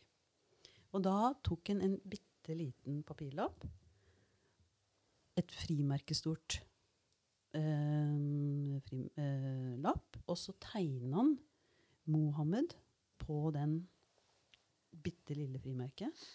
Så tok han med seg det frimerket inn i en konvolutt. Og så reiste han ned til, eh, til Sveits, hvor de har disse her kjempehvelvene vet du, i bankene. Hvor folk driver og plasserer ting. ikke sant? Bankene i Sveits. Og der, inne i et av de hvelvene, langt inne i de hvelvene, der ligger det bitte lille frimerket med tegning av Mohammed. Godt gjemt inni hvelvet. Og det er jo hele Hei! Marit Var det han, Lara. var det han som ringte? Makan. Nei, men det er jo eh, helt Det er et utrolig godt kunstkonsept. Ikke sant? Hvor, hvor farlig noen streker på en bitte liten lapp er. Og så kan man gjøre noe med det. Ikke sant? Eller bare ta det med og legge det inni en sånn For å ta det vekk fra Det er jo der, men ta det vekk fra offentligheten, på en måte. Det er, Jeg- det er så bra. Det er Jeg, så bra. jeg må si at jeg, jeg digger eh, Lars Wilks uh, umåtelig mye. Han har skrevet en veldig interessant bok som eh, 'Hvordan eh, bli kunstner' på altså, han og Jeg husker i filosofifest, på Filosofifestivalen så hadde jeg det eh, enkle, men uh, store ansvaret å kjøre han til og fra flyplassen. Og fikk snakka litt, og fikk litt sånn faderlige råd eh, til å, uh, fra han. Men akkurat der syns jeg han er eh, ute og sykler i majonesen, for å si det sånn. Det er litt sånn som Folkeopplysninga Det er litt sånn som eh, folkeopplysninga som nå beviste at uh, uh, du kan få lurt uh, hvem som helst med bakgrunn i de opplysningene som de spora man ligger igjen på digitale Har dere sett det? Sosiale medier? Ja. Ja, ja visst. Og det de egentlig beviser, er at hvis du har et NRK-apparat, eh, Ja. så kan du få gjort ganske mye. ja. Men du må nesten ha et NRK-apparat og en Kristoffer Hivju og et eh, fake produksjonsselskap og et researchapparat. Og han, han Andreas Wahl han har drevet med mye greier, altså. ja. Og han, han beviser ikke altså, Jeg syns det er skummelt med overvåkning og alt med seg, og hva man legger igjen på, på, på internett. Og det er et godt poeng, det. Men eh, hvis jeg skal i god folkeopplysningsånd, så eh, beviser du ikke så veldig mye der. Og det samme med det prosjektet til eh, husker, I forhold til Mohammed-karakterene, så husker jeg vi på barneskolen så drev vi på med én ting. Og det var å vifte hverandre i trynet sånn, så si 'lufta er fri for alle', 'lufta er fri for alle'. lufta er fri for alle, ikke sant? Og det er jo riktig, men det er fryktelig irriterende hvis en står og vifter deg i trynet med en hånd hele tida. Og at du har lov til å si fram at vet du hva, jeg, ja da, det er greit at lufta er fri for alle. Det er greit at du skal få lov til å si fram eh, det du vil, og at ytringsfriheten er fri, men det er også et ytringsansvar. Og hvis Mohammed er hellig for noen, så eh, altså, det, her er ikke, det her er ikke det motsatte. Men det er et innspill i debatten. Når lederen for Norsk redaktørforening, Per Edgar Kokkvold, var ute og, og forsvarte Mohammed-tegninger, så brukte han på en måte bare en, Han hadde sin egen Mohammed, han som trumfa den gamle Mohammed. ikke sant? Der ytringsfriheten i hans tapning trumfa eh, Mohammed, og respekten for Mohammed i muslimske miljøer. ikke sant? Jeg syns jeg, jeg var en av de som var ganske skeptisk til hele den eh, lufta fri for alle-debatten som var, eh, var da. Det må jeg si. Er det en brannfakkel eh, nå, eller? Nei, nei, nei, jeg bare jobber hardt for å henge med. Det er derfor jeg ser sånn ut. Ja, ja. Mm, ja, Men, jo, eh, jo, ja, jo, ja. Det er jo ikke noe, det er ikke noe vanskelig å være enig eller uenig med deg, Daniel. Nei, det er det. Jeg, jeg er ikke Men- verken uenig eller enig med meg sjøl heller. Men, Men, men, men, eh, eh, men hva er det heter igjen, den derre sayingen at uh, uh, jeg forsvarer din rett til å si hva du vil. Det er noe vi sier. Mm. Jeg er ikke enig med deg, men jeg forsvarer din rett Lev- til å kunne si det. si Leve og la leve-prinsippet Ja. i praksis. Og det, eh, det er Jeg mener at det er et veldig viktig prinsipp. Uh, og ønsker at vi skal stå fast på det. Ikke bare, ikke bare på grunn av min, min uh, individuelle rett til å kunne uttrykke og mene ting. ja. Men ikke sant, det er jo Men er vi inne i den krenke... Nei, nå er vi Jo, Jo, det er kanskje jo det for, på for, for, er? Politisk korrekthet og krenking. Og vi skal ikke gjøre noe som helst som kan uh, irritere noen som helst. Ja, men jeg, jeg tror det finnes ganske mange pragmatiske eh, muslimer der ute. Det glemmer vi fort. Det finnes ganske mange sekulære og pragmatiske muslimer der ute som er, som er helt Og helt ærlig, jeg kjenner ingen som ikke er det. det Ja, ikke sant? Det er Og, da, og de er helt med på å si det at vet du hva, ja da, vi skal ikke avbilde Mohammed. Eh, eller vi, det sies i religionen. At, at vi, vi, vi skal ikke det. Og vi syns det er dumt. Og, men vi skjønner ytringsfriheten. At, det, det, er, altså, at det, det er en greie for dere, liksom. Men vi, vi må vi likevel? Altså, er, det, er det viktig? Ja, jeg mener at vi må det. Ja, og Jeg- hvis ja. du, hvis, men hvis du da må det altså Hvis du da tegner en liten tegning, legger den en liten konvolutt, tar den med det, Noen ganger så er det sånn at det å hviske er å skrike. Ikke sant? Og det, det er det du gjør der. Mm. Ja. Det er det du gjør der, For Ja. der gjør du det til en så stor ting at uh, der er du Og Lars Wilks vet veldig godt hva han gjør. Han vet veldig godt hva han gjør, så det er veldig virkningsfullt. Ja. Men det er på en måte på, på premissene til, uh, til For det er snakk om fundamentalister som Mm. reagerer. Jeg er fullstendig klar over at uh, de fleste muslimer som vi kan si at vi er kristne, eh, er. Ikke sant? Det, de er like pragmatiske. Men, men eh, det er jo likevel utrolig viktig at disse fundamentalistene at de får et svar, og at vi driver på med en, en diskusjon, og at den diskusjonen kan foregå på mange forskjellige måter, gjerne ved hjelp av kunst. Ja. Det må vi bare holde på med. Men- og jeg, jeg er veldig opptatt av at eh, den derre utrolig gammeldagse, paternalistiske religionsforståelsen at, den, den, at altså det rommet den har hatt, det må, det må bare gjennom alle diskusjonene forhåpentligvis forsvinne. Som anarkist så må jeg jo si det. eh, Jeg kommer slepende med det igjen. Så jeg, har jeg selvfølgelig problemer med alle religioner, uansett om de er eh, hit eller dit, eller hvor som helst.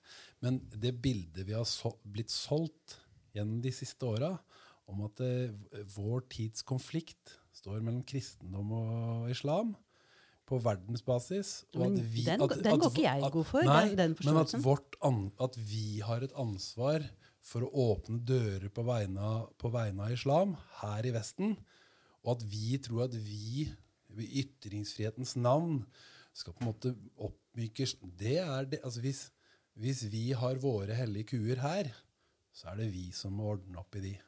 Vi må rydde de. Vi må selvfølgelig få lov til å ytre og bruke vår ytringsfrihet og, og utvikle vårt samfunn sånn som vi vil. Men å ta de kampene på andre sine vegne og tro at ikke det er en brannfakkel som vi kaster inn i, i, i, i et raffineri med det vi gjør, og tenke at nei, men det er fordi at vi, det er viktig for oss å gjøre det her, og det er Det, er, det tror jeg er en konflikt som vi har blitt solgt av noen, som ikke vi, som ikke vi trenger. Altså. Vi har en som liten, ikke liten, eh, ha. en liten brannføkkel her, da. Det er jo at hvis Jeg, jeg kunne godt tenke meg at folk liksom, rundt omkring i verden kunne få sånn nok mat på bordet, da, sånn at de ble litt mindre sinte. Så det er problemet at folk blir liksom, sinte og trigga ting. Og en ting som trigger folk, da, hvis de ikke får tak i mat, f.eks. Det er, viktig, det er en, en ganske Veldig grei, grunnleggende- grunnleggende ting. Da. Så det, det er klart at eh, hvis du blir kanskje enda litt sintere hvis det er veldig vanskelig å få tak i mat. Og så er det, det, det, så må, da må jeg bare få lov til å si at jeg er veldig skeptisk til Maslows uh, pyramide. Det er jeg. Det er det, faktisk. Generelt skeptisk. Ja. Men og så Det er er det, spennende. så er det veldig mye lettere å bli sinna hvis noen insisterer på at du skal bli det. Jeg, jeg, jeg har lyst til å slenge inn en greie der. Eh, fordi nå, sa, nå åpna Marit Laland en ny dør. Eh, hun sa Maslows pyramide, behovspyramide. Og så har jeg bitt meg merke i at eh, sosial kontakt og menneskelig kontakt ikke er eh, på nivå én. Mm. Har dere lagt merke til det? Nei, men vi blir indoktrinert med at det er mat det er det viktigste. Eller de, de der, det er noen Ikke kaller det for sant? basale behov. Det, er det, kan vi repetere den uh, pyramida, for sikkerhets skyld? Ja, altså det basale, det er, eh, det er at vi må ha fysiske eh, behov må dekkes. Altså Mat og drikke. ja, og temperatur og Klær. sikkert noen sånne fysiske ting. da. Og så går det liksom Trygghet. oppover med oss. Mm. Og så på toppen så kan vi begynne å få tilfredsstilt behov som handler om eh, filosofi og kultur og kommunikasjon og sånt noe. Så det er eh, alle disse mellom... Så da sånn kan vi begynne med podkast. Nettopp. Når vi ikke trenger å bruke all tiden vår på å hente mat eh, 40 km unna, så har vi tid til podkasting. Men menneskelig kontakt er ikke nevnt, og det mener jeg er en veldig rar ting. Maslow er utrolig gammeldags måte å se Ja. tingene på. Ja. Er vi mot eh, Kragerøpodden er, er vi offisielt mot Maslows lov. Jeg vil gjerne modernisere det, eller eh, putte inn en liten bit om at uh, hvis ikke vi, eh, vi har en eh, eh, altså når du, blir, når du fødes til verden, så er det første som skjer, er at du blir dyttet eh, til din mors bryst. Og så er det dette her med kroppskontakt og kroppsvarme osv. i tillegg til maten. Så de som eh, kun får eh, eh, mat via en, en flaske osv., de, de er eh, verre Merker at jeg har vært litt på syngende grunn, for det Nei. hender jo med det. Jeg syns du forklarer det glimrende. Ja. Ja. Men de, de, det er et eller annet som mangler da. Ikke sant, i forhold til um, Men- Kan ikke du fortsette nå? Gjerne. For det, det, som- det, som, det som jeg bare har bitt meg merke i for noen år tilbake, så ble det presentert et eh, sånn forskningsprosjekt på spedbarn. Og da hadde jeg akkurat fått uh, mitt uh, yngste barn, så, og hun er jo uh, Hun blir snart eh, 73 år. 28 eller noe sånt nå.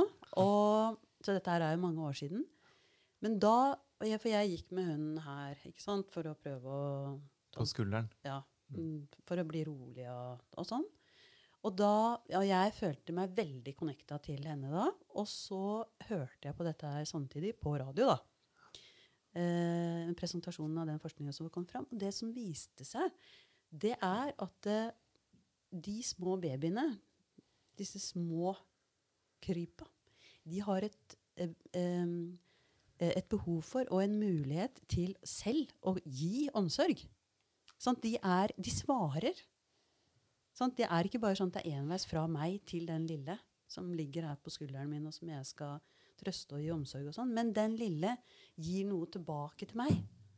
Og det var nytt. Fordi man har, har hatt det bildet av at eh, barn, babyer, de er low, de er der nede. De er nederst på utviklingstrinnet, og det er de voksne som som er blitt fylt opp. da, sant? I utgangspunktet så er vi tomme sekker når vi er barn.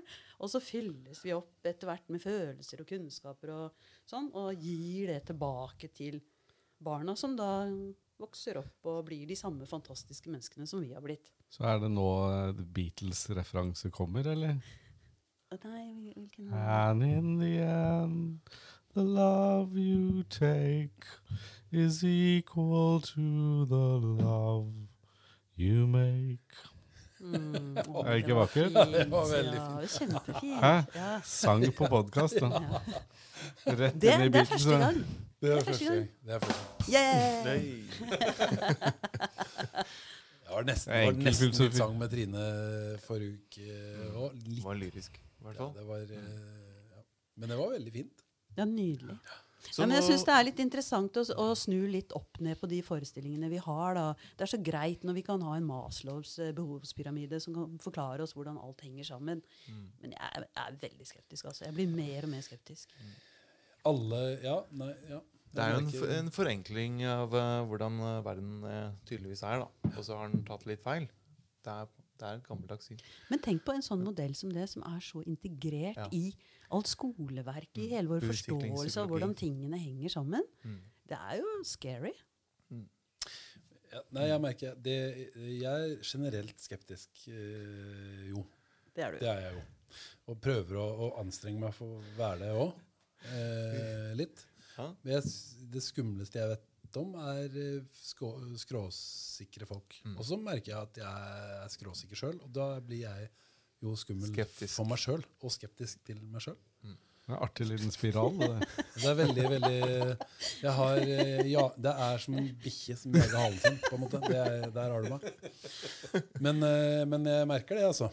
Og, jeg synes, men, og det er jo litt sånn um, uh, Ja. Nei, jeg skulle si noe mer, men nå, jeg lar det Jeg venter. Jeg holder an. Ja, nå, har de, nå har vi pratet mye om uh, han Ropstad, Tore. Ja, Var det, var, var det noe jeg had- tenkte på i forhold til han Ropstad? Ah, få, det, få det frem. Ja, Men uh, i forhold til skråsikkerhet Jeg husker ikke helt hva det var. altså. Men det er jo helt åpenbart at folk som er helt sikre, de bør man være veldig skeptisk til. Mm. Det er jo mange de, Det er jo ofte de som kommer høyt opp i hierarkiene, og så ganske skråsikre på ting, at de er helt sikre på sannheten. Det er jo, fremkaller jo skepsis. Nå husker jeg hva det var. Ja. Eh, eh, vår venn Vebjørn å, eh, Vebjørn han, eh, det, er, det er ingen redaktøransvar her, så jeg kan brekke meg så mye jeg vil når jeg sier Vebjørn Selbekk. Eh, Vebjørn Selbekk Så gæren. Han mente jo at det her altså Det var godt strategisk av Ropstad og KrF. Han syntes det var veldig bra av Ropstad og KrF å markere seg mot en fremadstormende kraft i norsk politikk. Ikke sant? Det var godt politisk håndverk fra eh, KrF og lederen. Eh, eh, fordi at eh, eh, man trengte en kampsak. Man trengte, og han, han sa det på Politisk kvarter. At det er viktig, altså her er det polemikk. Vi trenger mer polemikk. Vi trenger tydeligere fronter. Talekunst. Ja. Vi trenger tydeligere fronter. E- Ett-tall og null. Altså digital type. Og det er jo ikke sant? Det er å snakke kort og greit. Bruke tremendous. Altså, det, det ser vi jo. Altså tabloide overskrifter. Mer og mer liksom, krasse påstander. Litt sånn Abid Raja holdt på ikke sant? i forhold til Altså komme med noe som er litt sånn eh, satt på spissen, kontroversielt. eh, For å få en reaksjon, ikke sant? Ja, for, å- sette, for å fyre opp, liksom. Ikke sant? Og det, og det lurer jeg på. Jeg ser det på kort sikt. Ja, greit. Eh, skjønner den, Vebjørn. Men er det god kristen moral? Er det er det, det vi ønsker? Ah, Jeg studerte jo en gang i tiden eh, statsvitenskap. Jeg husker veldig godt det at Østerud sa at all eh, politisk omtale er god omtale. Sånn eh, i samme ånd som all reklame er god reklame. Det var en god 80-tallsmantra. Ja, ikke sant? Og det er noe med det at det de, de greide det. De fikk jo det veldig godt til. Det er sikkert et kobbel av politiske rådgivere som har eh, skrevet den talen i lag med Ropsa. Uh, og de har kommet frem til at dette er lurt. Mm. For de når da en kjernegruppe som de er i ferd med å miste. ikke sant? Uh, og det er kanskje de som er litt uh, på, på vingen i, i Kristen-Norge, som er villige til å gå til eh, litt alternative partier. Men som de prøver å hanke inn igjen. Det er det jeg innbiller meg, da, hvis jeg skal komme med min eh, politiske Jo, analyse. men er ikke det, det er jo en veldig god politisk tror- analyse, det. Knut. Ja. Det Jeg og burde du Bonde, fått penger for. Nei, nei, jeg trodde folk 000. drev med politikk for å få til, å få til noe, ja, men det er mulig jeg er eh, Tore, nå helt du ute. gi deg. Det Ja, men det er, jo, det er jo det som er greia. Det er jo litt sånn i forhold til skolegårdstankegang. Hvis jeg drar til deg, så skjer det jo noe. Ja. Altså, hva, er det, men er det sånn vi vil ha det? Eh, svaret Det er jo et retorisk spørsmål, selvfølgelig. Er det sånn, vi, er det rikt, gjør det det riktig? Vi får reaksjon.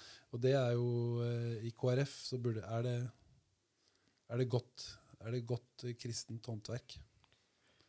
Spør du meg? Selv om det er riktig. Jeg, jeg spør allment panelet. Jeg føler det er helt ute, men det, det er meg. Det er, det er deg. Jeg vil ikke ha en slik politisk debatt. Jeg tenker at det er en eh, polariserende debatt eh, med metode som eh, ingen i er tjent med, egentlig. Og jeg tror ikke de selv heller egentlig ønsker å føre en slik type krigføring. Men at de ser seg nødt til det. Jeg tror det er litt, en, det er litt sånn Det er nødvendig onde. ja, på en måte. Eh, og at uh, det er flere partier, eh, sånn som Venstre også, som er et sånn synkende skip. De, de gjør jo også sånne krumspring, og de prøver det ene og det andre med, med Raja blant annet i, i spissen osv. Sylvi begynte, så nå må vi fortsette. Var det sånn? Kan du det? Ja, ja. Men, men det er også litt det der når Altså å slippe hva heter det for noe, katta ut av sekken. Ja.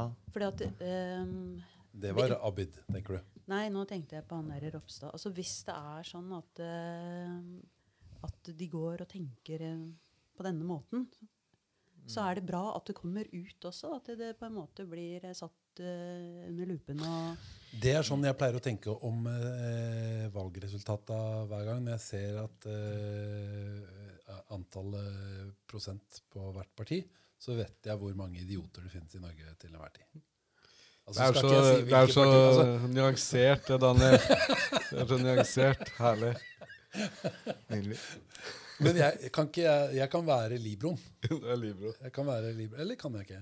Er det Libro er eh, den, eh, er en en forsvarsspiller som ligger bak forsvarsrekka igjen. Mellom forsvarsrekka og keeper. Og, og fanger opp eh, Han tar liksom den siste Er ikke det Libra? Etymologisk så er det jo veldig greit med libra, for det har jo med libertas å gjøre, de latinske. altså det er fri, Den frie rolle. Det er Carl-Heinz Rummenigge.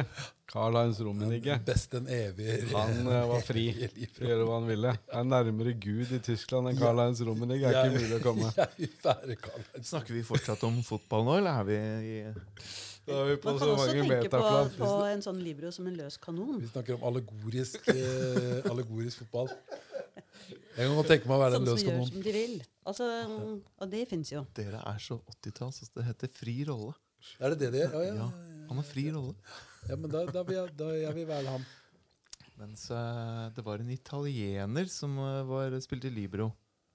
Ja. Men det er mulig jeg bare finner på det. da nå som, eh, men Tenker jeg du på, tenker på Maldini, for han var jo back? Var det ikke? Han var uh, midtstopper. midtstopper. Nei. Ja. venstreback. Paolo Maldini har alltid vært venstreback. sant. Er det sant? Oi, oi, oi. Og han spilte til han var 59. Ja, så jeg, det var ikke langt ifra. Men uh, han- nei, han var nok verdens beste venstreback i mange år. Mm. Ja, Så du er interessert i fotball? Absolutt. Ja. Nei, jeg, jeg, jeg sitter og husker på Battiston. Battisto. Ja, altså, Gabriel Battistuta? VM i Gabriel Battistuta husker jeg, men ikke Battisto. Nei, altså det er jo Schumacher da Som eh, tok og, Det er bare å gå inn på YouTube og se på den taklingen Som Schumacher gjør på Battiston i 82 Nå kan det hende Tenk deg hvis jeg nå ljuger Da er det så dokumentert Det er så deilig. Det er, så, Det er fantastisk jeg må, jeg må sjekke kildene mine etterpå vet du. Det er at jeg tenker på en racerbilsjåfør når jeg hører Schumacher og Ja, så er en, eh, da han het Gabriel og var fra Argentina. Han spilte på Fiorentina. Men det er helt feil. alt Jeg det. husker ofte, Kan vi snakke litt grann fotball nå? Er det greit for dere? Er det Helt gjør litt, litt grann, eh, fotball? Ja. Jeg, eh, for, fotball er ofte et eksempel for meg på ting som gjør at jeg tenker at jeg burde kunne reformatere harddisken. Når jeg, når jeg husker sånne navn som Martin Keown og Colin Henry og sånne folk, så tenker jeg hvorfor, Og jeg er ikke engang særlig opptatt av fotball. Men når jeg husker sånne ting, så tenker jeg at her burde jeg kunne liksom trykke på, gå inn på desktopen og finne fram eh, til panelet, og så, eh, og så reformatere harddisken, sånn at jeg eh, kan få plass til andre ting. På liksom. Ja, men når, du, du trekker jo Du er jo Tottenham-fan, er du ikke? Altså, jeg måtte jo ha Alle andre hadde jo lag, så jeg måtte jo ha et lag sjøl. Og da Og så trekker du fram sånne Arsenal-spillere Som ikke Martin Kiel? Martin, Nei, men det var vel en del av de, den gjengen. Colin Henry, Blackburn, da.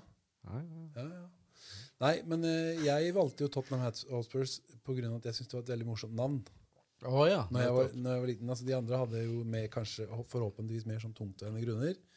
Jeg eh, det holdt, For meg så holdt det med navnet. Eller det måtte jo være noe.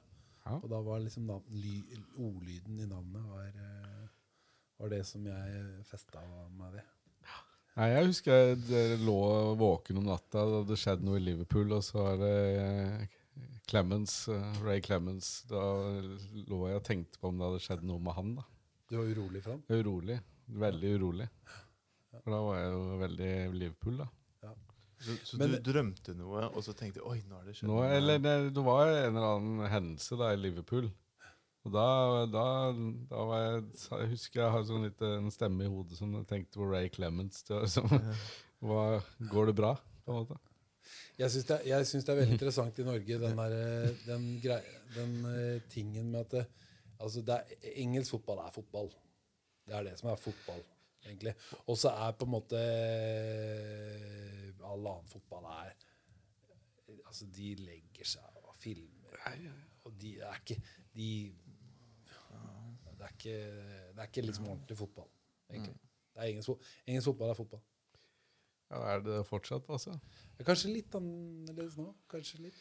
Ja, du har vel de Det er der mest penger nå, da, og det, alle har kommet dit. Så jeg er litt usikker. Kanskje litt på si- ned, Litt nede i systemet, kanskje. Men jeg tror de, de har blitt invadert. Jeg er så skamløs at jeg følger med på det som er eh, i vinden. Så eh, nå syns jeg det er veldig gøy å streame eh, Martin Ødegaard når han spiller bra. Jeg, jeg syns det er veldig gøy, altså. Ja. Å se han spille bra der. Og ja, det syns jeg er skikkelig moro, liksom. Har- Gjør dere det, eller? Eh, ja, jeg eh, følger med på fotball. Jeg er faktisk eh, Tottenham-supporter, altså. Ja. Uh, og, men jeg må, vil jeg påpeke det at det, det mest gøye jeg har opplevd Jeg har vært i England og litt forskjellige steder og sett på fotball, men det gøyeste det er Tyskland. I Bremen. Det Nei, var nei, også Werder Bremen mot Hvem var det mot, da? Ja, Det var et eller annet, et eller annet annet tysk lag. Ja. Men det var fest fra A til Å. Det var så moro, og det stanset ikke uh, å være morsomt selv om Verde Bremen tapte. Og, og på en måte uh, Man skulle tro at uh, tilskuerne var litt sånn ah, mollefunkne og litt sånn dårlig humør, men Ja. det, det ble det ikke. Det var bare moro alt sammen. Med fest. Ja. Og jeg tror egentlig at det trenger vi litt mer av i fotball, sånn generelt.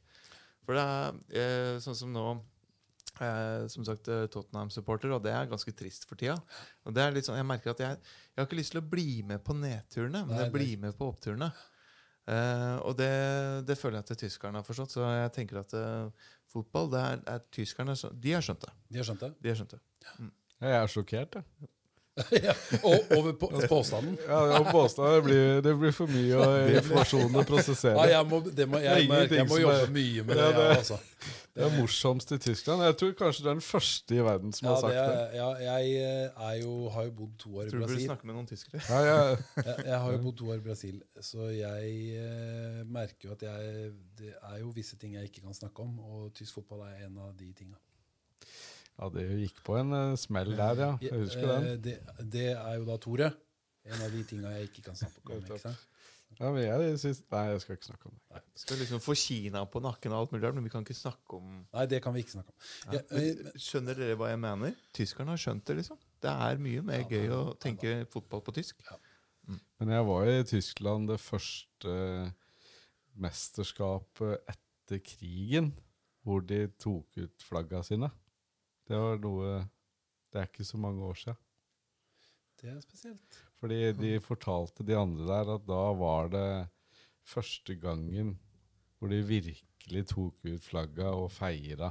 Og at den stoltheten over å gå og liksom komme langt i et mesterskap. Og det er ikke innmari mange år siden.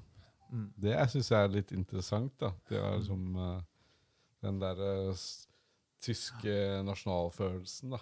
Den har holdt bra nede ganske lenge. Ja, det ja, Kanskje litt lenger enn det de Hadde trengt. Ja, det er nok riktig. Men, eh, men ja. Så han Ropstad, da?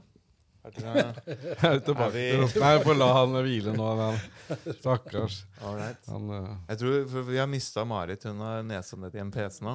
Det er sånn som skjer når man snakker fotball. Dårlig Ja, men, eh, men tegn. eh, jeg syns at det er veldig hyggelig at dere hygger dere. Så. Det er, hy- det er hyggelig av deg å hygge deg med vår hygge. Ja, ja, ja. ja, ja.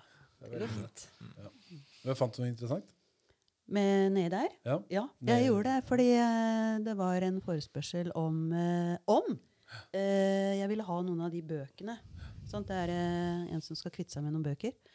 Og en av de bøkene, det er eh, det, var skrevet, det var som jeg gjerne ville ha, Mhm. eh, er skrevet av han Bune. Ei- Eivind. Eivind Bune. Ja. Eh, og den er jo jeg veldig interessert i. Eh, fordi han har jo hytte ute på Skåtøy her, ikke sant? sammen med hun Nå outer vi han. Og de. Ja. Deilig. Er ikke det lov? Jo, er ikke det lov? Jeg vet ikke. Vi har jo ikke noen redaktør, så vi igjen sier ja. Vi kan gjøre hva vi vil. Det, dere har sett på det der programmet på TV. Er det? På- Har dere sett program på TV Ja. om uh, Arkitektens hjem eller noe sånt noe? Det har jeg sett. Og hun som er programleder der, hun heter Charlotte Thies Evensen. Og hun er gift, eller bor i hvert fall sammen med han Eivind Buene. Og han er da forfatter og musiker. Og han er jeg veldig interessert i. Ja vel. Ja, Skal du prøve å eh, ta over, eller? Nei. Hva er det med han som er så spennende? Nei, altså det ehm, eh, Vi snakka om det her med, med litt sånn gründerting. Uh, så vi har noen ting på gang. Eh, hvor han er litt inkludert i de planene, men det vet ikke han ennå. Nå Så bra. kan man få vite det, i hvert fall. On a need to know basis. Men Fra dette minutt til minutt, Marit Radan. Ja, Nei, Så det var det som skjedde nå. Det var jo fantastisk å plutselig få det var, og det tenker du er nok informasjon å gi? Så Eivind Bune, hvor enn du er, du er nå inne i et prosjekt. Det er fantastisk. Marit skal kjøpe en bok som du har eh, skrevet. Er det, er det sånn det henger sammen? Ja, Ja, det er riktig. riktig. Ja, så det essays. Ja. Men det er, det er en ting som vi har snakka om, Marit. Det her med å liksom få Det er litt uh, artig. Å få involvert uh, de ulike kulturpersonlighetene som er Som bruker noen uker, eller noen av de bruker mer enn noen uker, i sommerkragerø og ellers i året. På, altså å få de til å se om det, man kan, om det kan være mer samspill, om man kan finne ut av mer ting sammen på vegne av Kragerø hele året.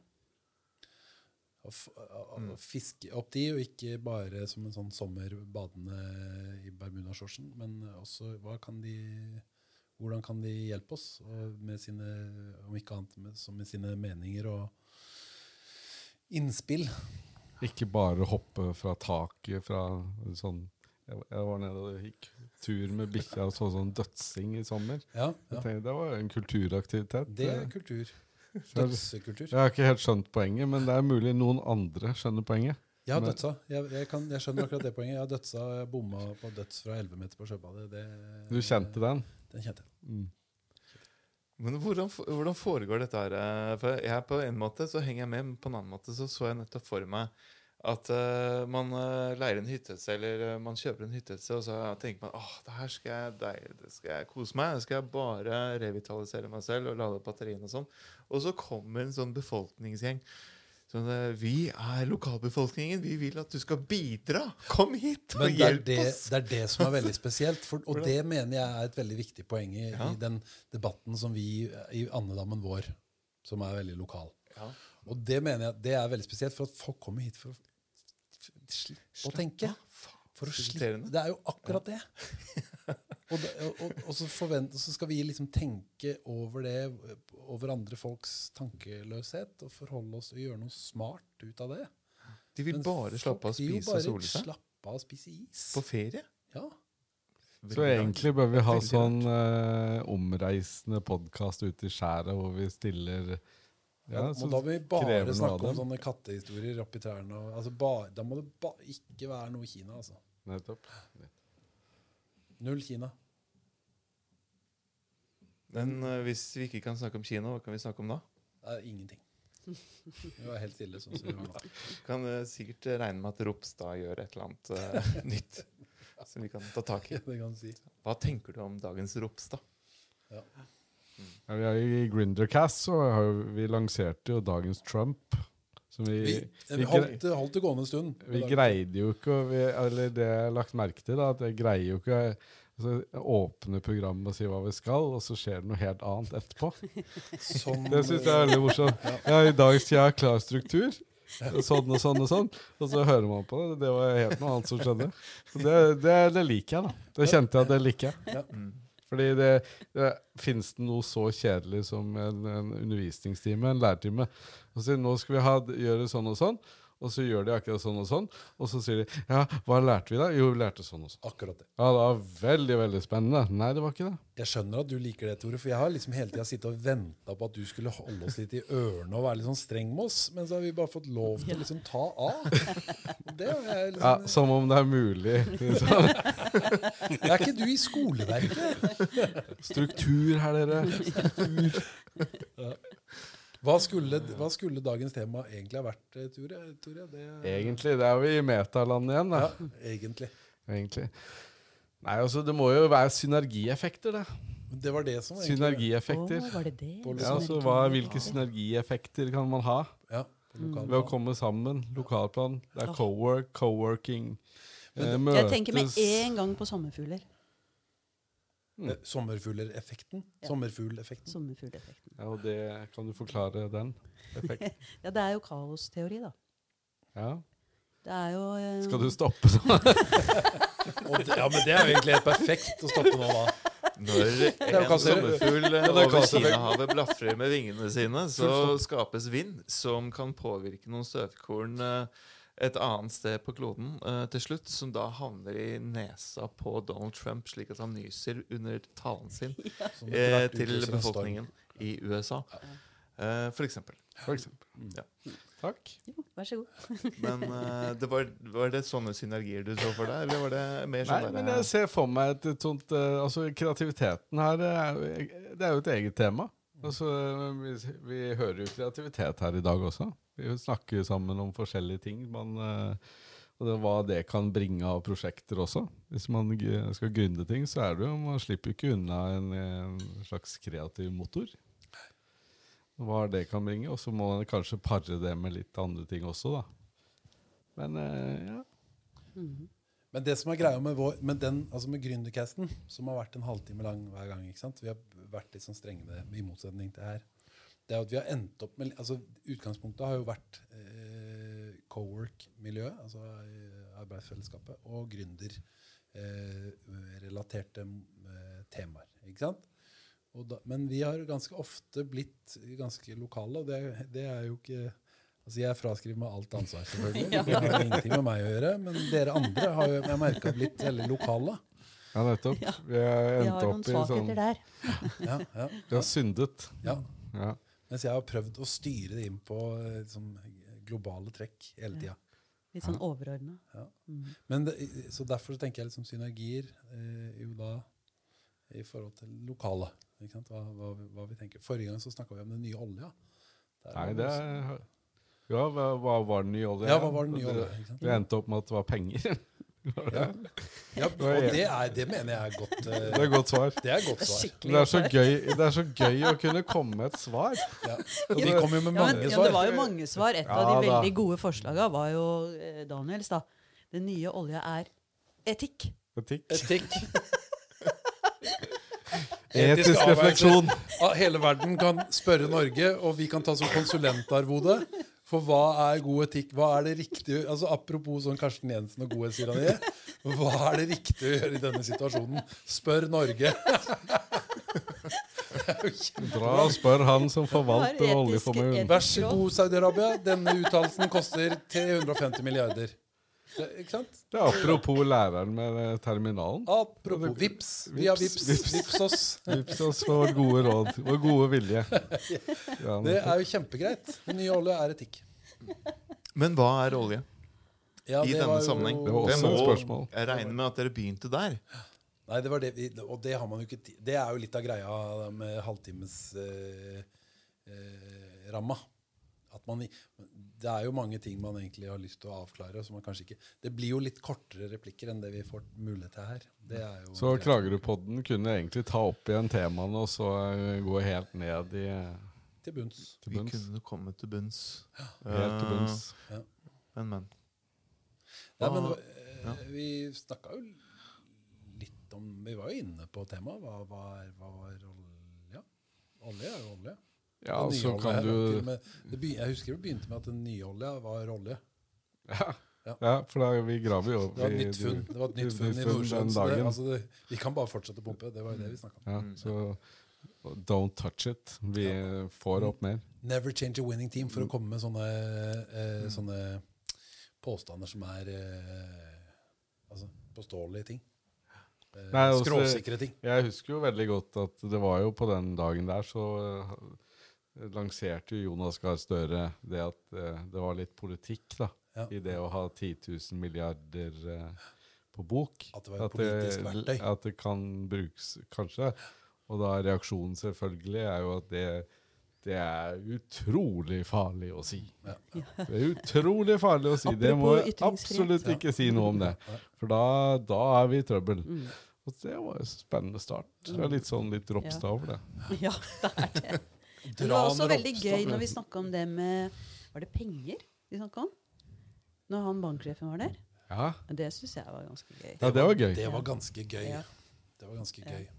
Fordi han eh, Jeg, sånn som jeg tolker det så, så, Og det, det kan man jo gå ettergå i sømmene ved å høre på den, eh, den podden.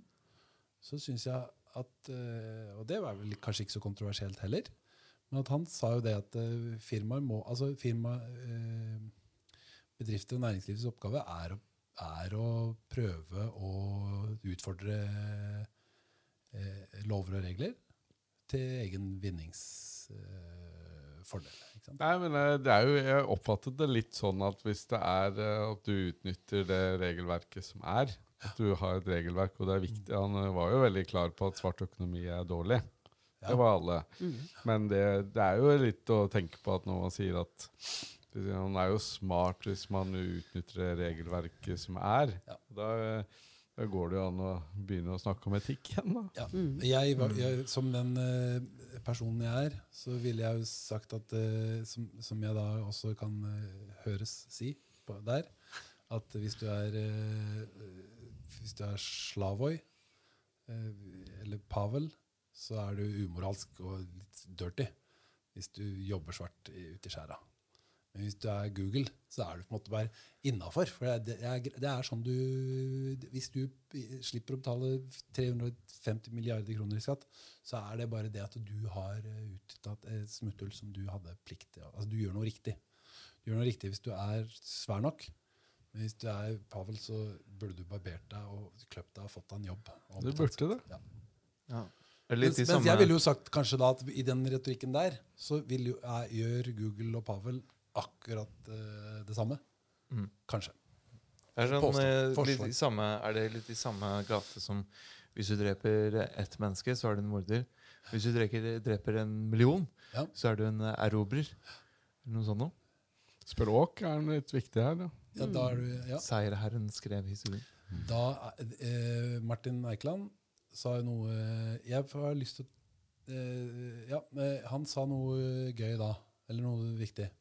Det er hvis du har, tar opp en million Hvis du skylder en million, så har du et problem. Hvis du skylder 100, så har banken et problem. Det er helt riktig. Kort, kort sagt. Det er jo akkurat det som skjedde i finanskrisen i 2007-2008 der. At det er jo når det gikk over ende, så eh, Altså, de har ikke råd til å la så store aktører falle. Ta opp nok Så heller ta de små gutta. Ta opp jentene. nok gjeld. Sørg for å tippe over den grensa, dere alle sammen som hører. Jeg, jeg prøvde også å ta opp eh, i den sammenheng at eh, hvis Altså hvis det er skikkelig dårlige tider, og det er noen som har det ordentlig low, så er det veldig bra for pengesystemet, fordi at de tvinges da til å komme opp med noen gode ideer og sørge for å overleve. Og de tingene som de kommer opp med, det kan jo bli gode forretningsideer. Ikke sant? Som da kommer i neste omgang eh, det etablerte forretningslivet til gode.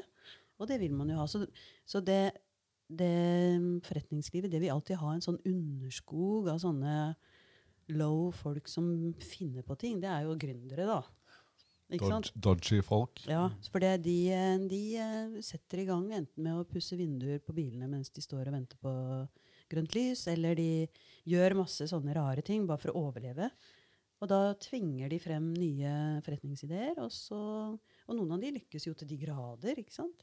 Blir nye ting ut av det. Og det er jo, det er jo liksom mekanismene i hele den forståelsen av markedsøkonomien. som man vil ha en sånn underklasse, et sånt prekariat. The. American Dream. Ja. Det, jeg merker det er veldig deilig at det blir sånn litt uh, Er det potpurri det heter? Når vi, Ja, vi er jo på går igjennom litt sånn uh, Grunnercast sine uh, liksom, høydepunkter. Og det, og det er jo innafor. Det er jo helt riktig. I, i, i, meta, i denne metapodkasten som vi er inne i, som er en samsending. Så, Ja, hva skal jeg si? Det er gøy. Det er veldig mange forskjellige ting man toucher på. Ja. Så burde vi jo hatt inne folk, selvfølgelig litt sånn eh, kontroversielle folk som vi kunne krangle med, da. Men det kan vi jo få til her. Og det er jo fint med sånne som mener det motsatte og sånn. vi har jo Vi er jo på gang. Er på gang. Men vi er ganske koselige foreløpig, syns ikke det, Knut? Jeg, eh, jeg har det i hvert fall veldig trivelig her. sånn. Ja. Uh, går, det an å, går det an å identifisere på en måte en sånn eh, visjon til, uh, til Gründerkast? Går det an å liksom si dette er eh, meningen med Gründerkast sin eksistens? Ikke på noen måte. Nei, det var godt å høre. Kort og greit. Kategorisk nei. Det er ingen visjoner. Nei, eller det er en eh, hvis Visjonen må jo eh, nærme seg Altså nysgjerrighet, kanskje, på eh, forskjellige sånne temaer linka til det på lø noe veldig nært og noe litt løsere. Det er jo, Man graver jo inn i ting og er nysgjerrig på det. Og så, så er jo kanskje formatet der har vært litt sånn kort, så man kommer ikke helt ned. Men, eh, men det blir jo en blanding av litt nysgjerrighet og litt sånn eh, lett eh, blanding av forskjellige debatter som blandes løselig inn. Kanskje. Du har et overordna tema, og så sklir du ut. på en måte. Så Ja. kanskje det er visjonen. Vil, vil, du si at, eh, vil du si at en, eh, en person som går rundt og tenker på å grinde et eller annet, vil bli bedre til å grinde det vedkommende skal grinde? Hvis man hører på Gründerkast? Jeg tror det, og jeg kan si hvorfor etterpå. Hvis jeg, men jeg skjønner at det, det, det er deg, Tore, som må svare på det. selvfølgelig. Jeg tror absolutt det blir bedre. Eh, Vil jeg, skal jeg si hvorfor, da? ja. Start with why, sa Simon Sinek. Nei, det er fordi vi er Altså her eh, Dette er jo krem de la krem da. Mm. Av eh, folk som uh, lirer av seg. Og uh, hvis du er gründer, så må du jo kunne Du må være kreativ. Kanskje ikke det ordentligheten de lærer av oss, men det kan du lære andre steder. Så det å være kreativ og kunne tenke på tvers, det er jo viktig som gründer.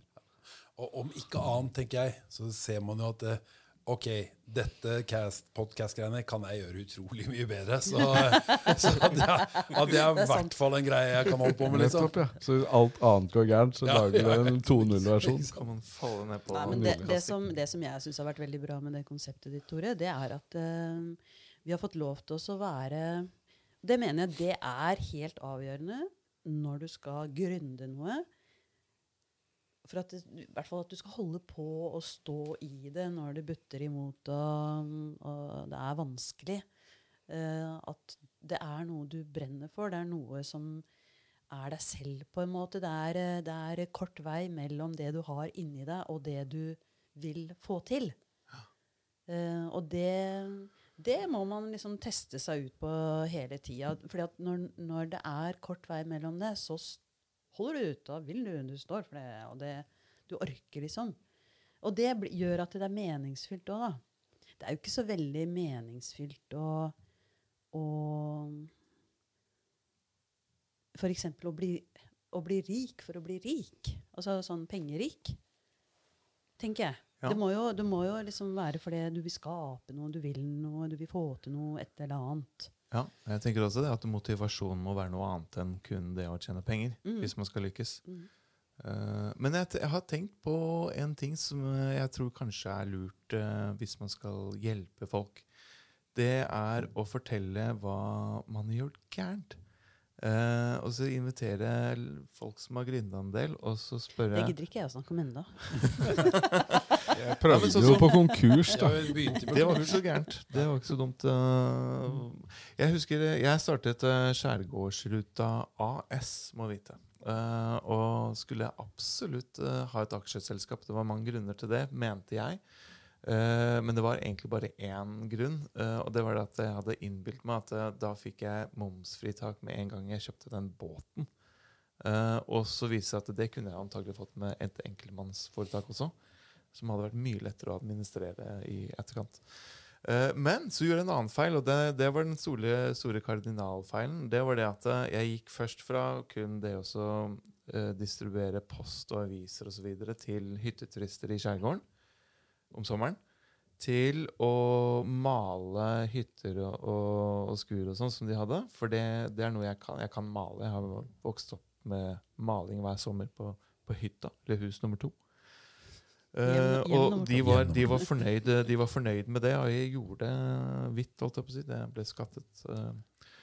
Men så uh, tok jeg på meg å ansette snekkere. For dette var ganske mange som spurte om ah, men kan vi ikke bytte de bordene her, og den kledningen er dårlig, og kan ikke du ordne skjørtet på dette, denne brygga, osv.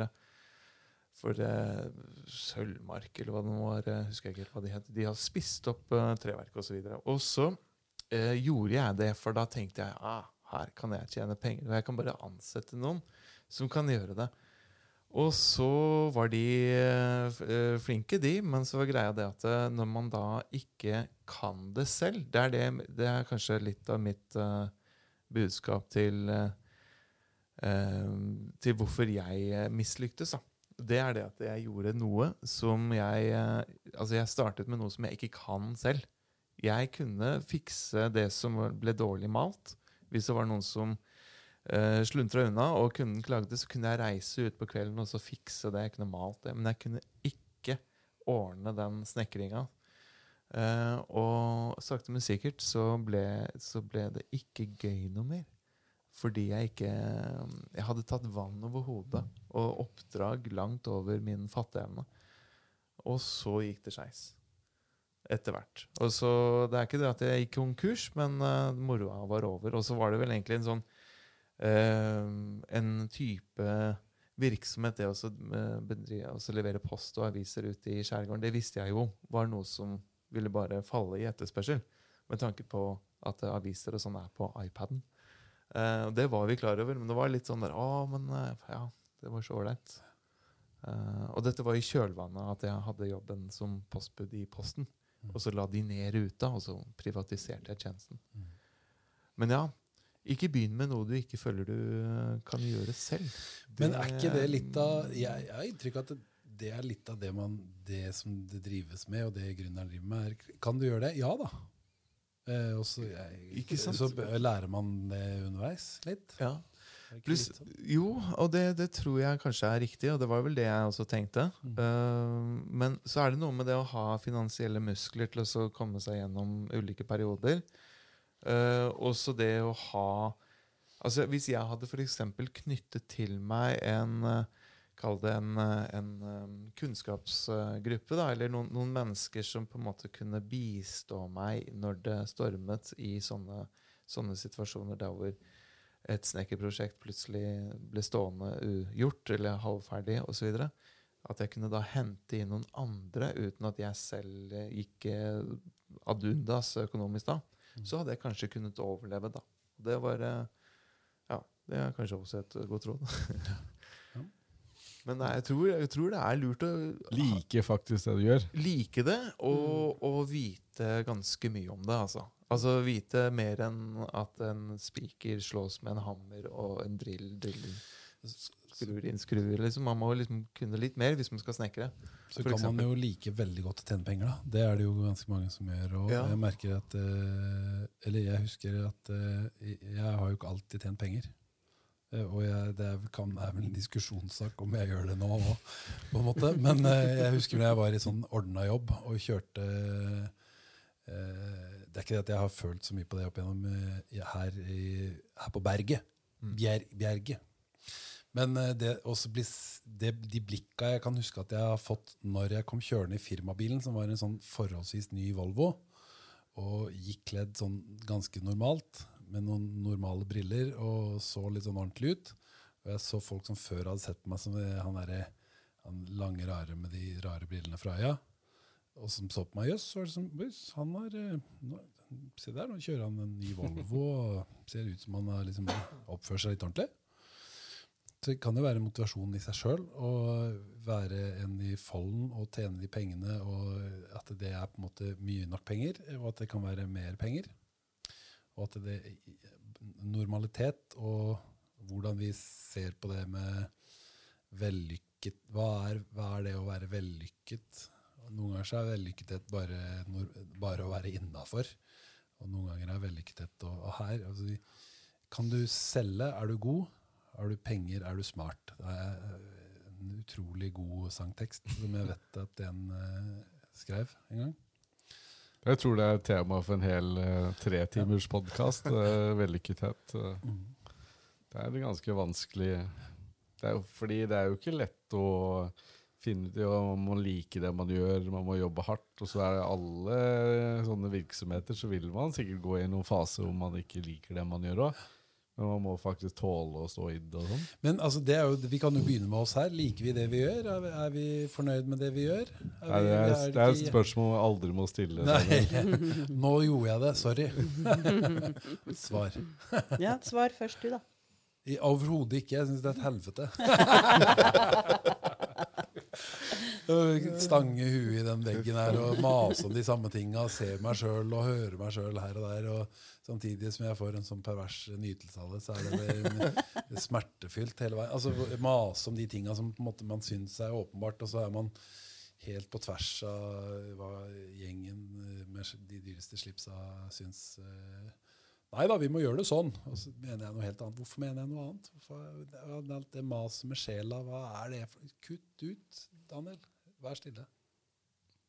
Nei, fortsett. Nei, men det, det, Man kan jo føle det sånn òg, men eh, det er klart at det, det er man kanskje, kanskje ikke brukelig til noe annet. Men, men, vel, eller liker man det man gjør? Det er eh, noen ganger ja. Ganske ofte tja. Man er vel inne i sånne faser hvor man er inne på sporet av noe, og så får man inspirasjon og syns det er gøy. Ja. Så går man inn i en sånn gråsteinperiode hvor man tenker at ja, ja, podkasting er bra. Ja, vi er jo ganske syke folk. ikke sant? Som vi, driver, vi sitter jo her nå her og og liksom vrenger ut av oss ting og har en eller annen sånn vag idé om vi få, hva vi skal få til. Mens andre folk er jo fornuftige og er hjemme på og flørter med noen andre enn dama si på eh, Facebook, eller gjør de tinga som vanlige folk gjør. Jeg vet ikke hva folk gjør. Hva gjør folk? Eh, Var det fordomsfullt? Hva gjør folk? Det er et veldig komplekst spørsmål. Er det neste podcast? Hva gjør folk? Hva gjør folk? Gullrekka. Ja, den, Ikke på, en, ikke på på torsdag. Ikke på torsdag. Nei, men Enhver dag har sin gullrekke, Daniel. Ja, det er sant. det er sant. Det er sant. De, eh, det er Netflix nå. Ja. Det er slutt på det der med lineær TV. Mm. Er det ikke det, Marit? Mm, det er jo det. Ser Det du på lineær TV? Uh, ja, det hender. En sjelden gang. Jeg har, eh, jeg har ikke et eget, eget uh, TV-apparatur til den slags. Eller jo, jeg har det, men den, den bruker jeg ikke. Så jeg bruker jo Mac-en min hvis jeg skal se på Da går jeg på nrk.no og ser på gullrekka, liksom.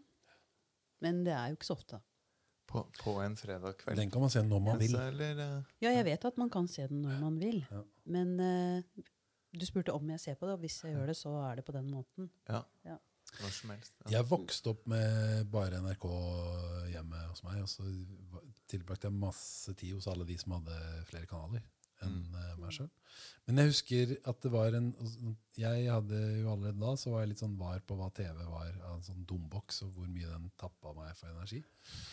Men eh, jeg husker at man helt plutselig ble sittende og se på sånne helt obskyre rumenske dokumentarer om eh, et eller annet som man i utgangspunktet absolutt ikke tenkte at man var interessert i, men som jeg da pga. min skjermavhengighet ble sittende og se på likevel, og, og fikk masse ut av. Syntes var kjempeinteressant. Og som, man ikke, som ikke jeg får nå.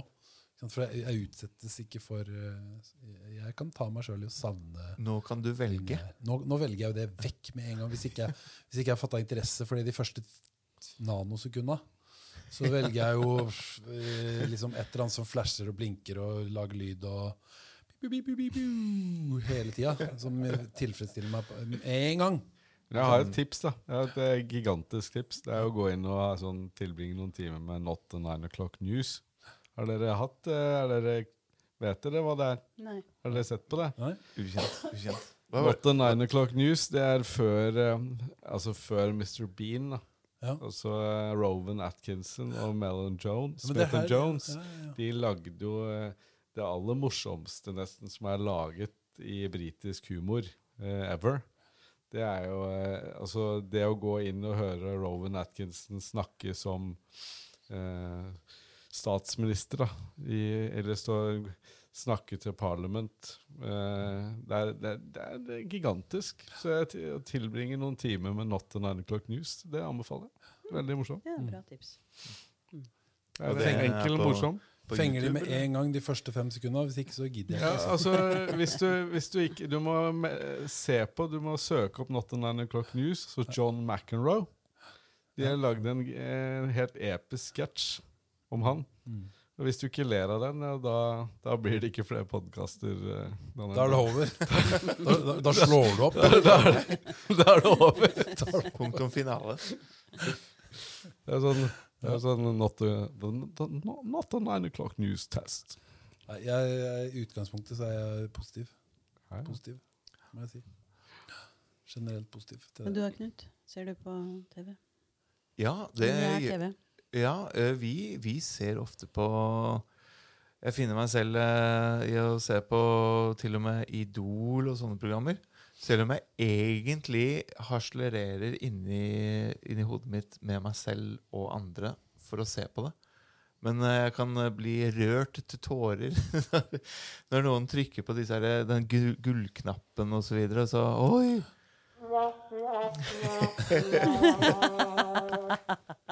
Det den knappen. Tore fant den grønne knappen. Det er, eh, det er en annen. Visste du hva det var, Tore? Det var Det var veldig passende. Passa veldig bra. Det passa veldig bra.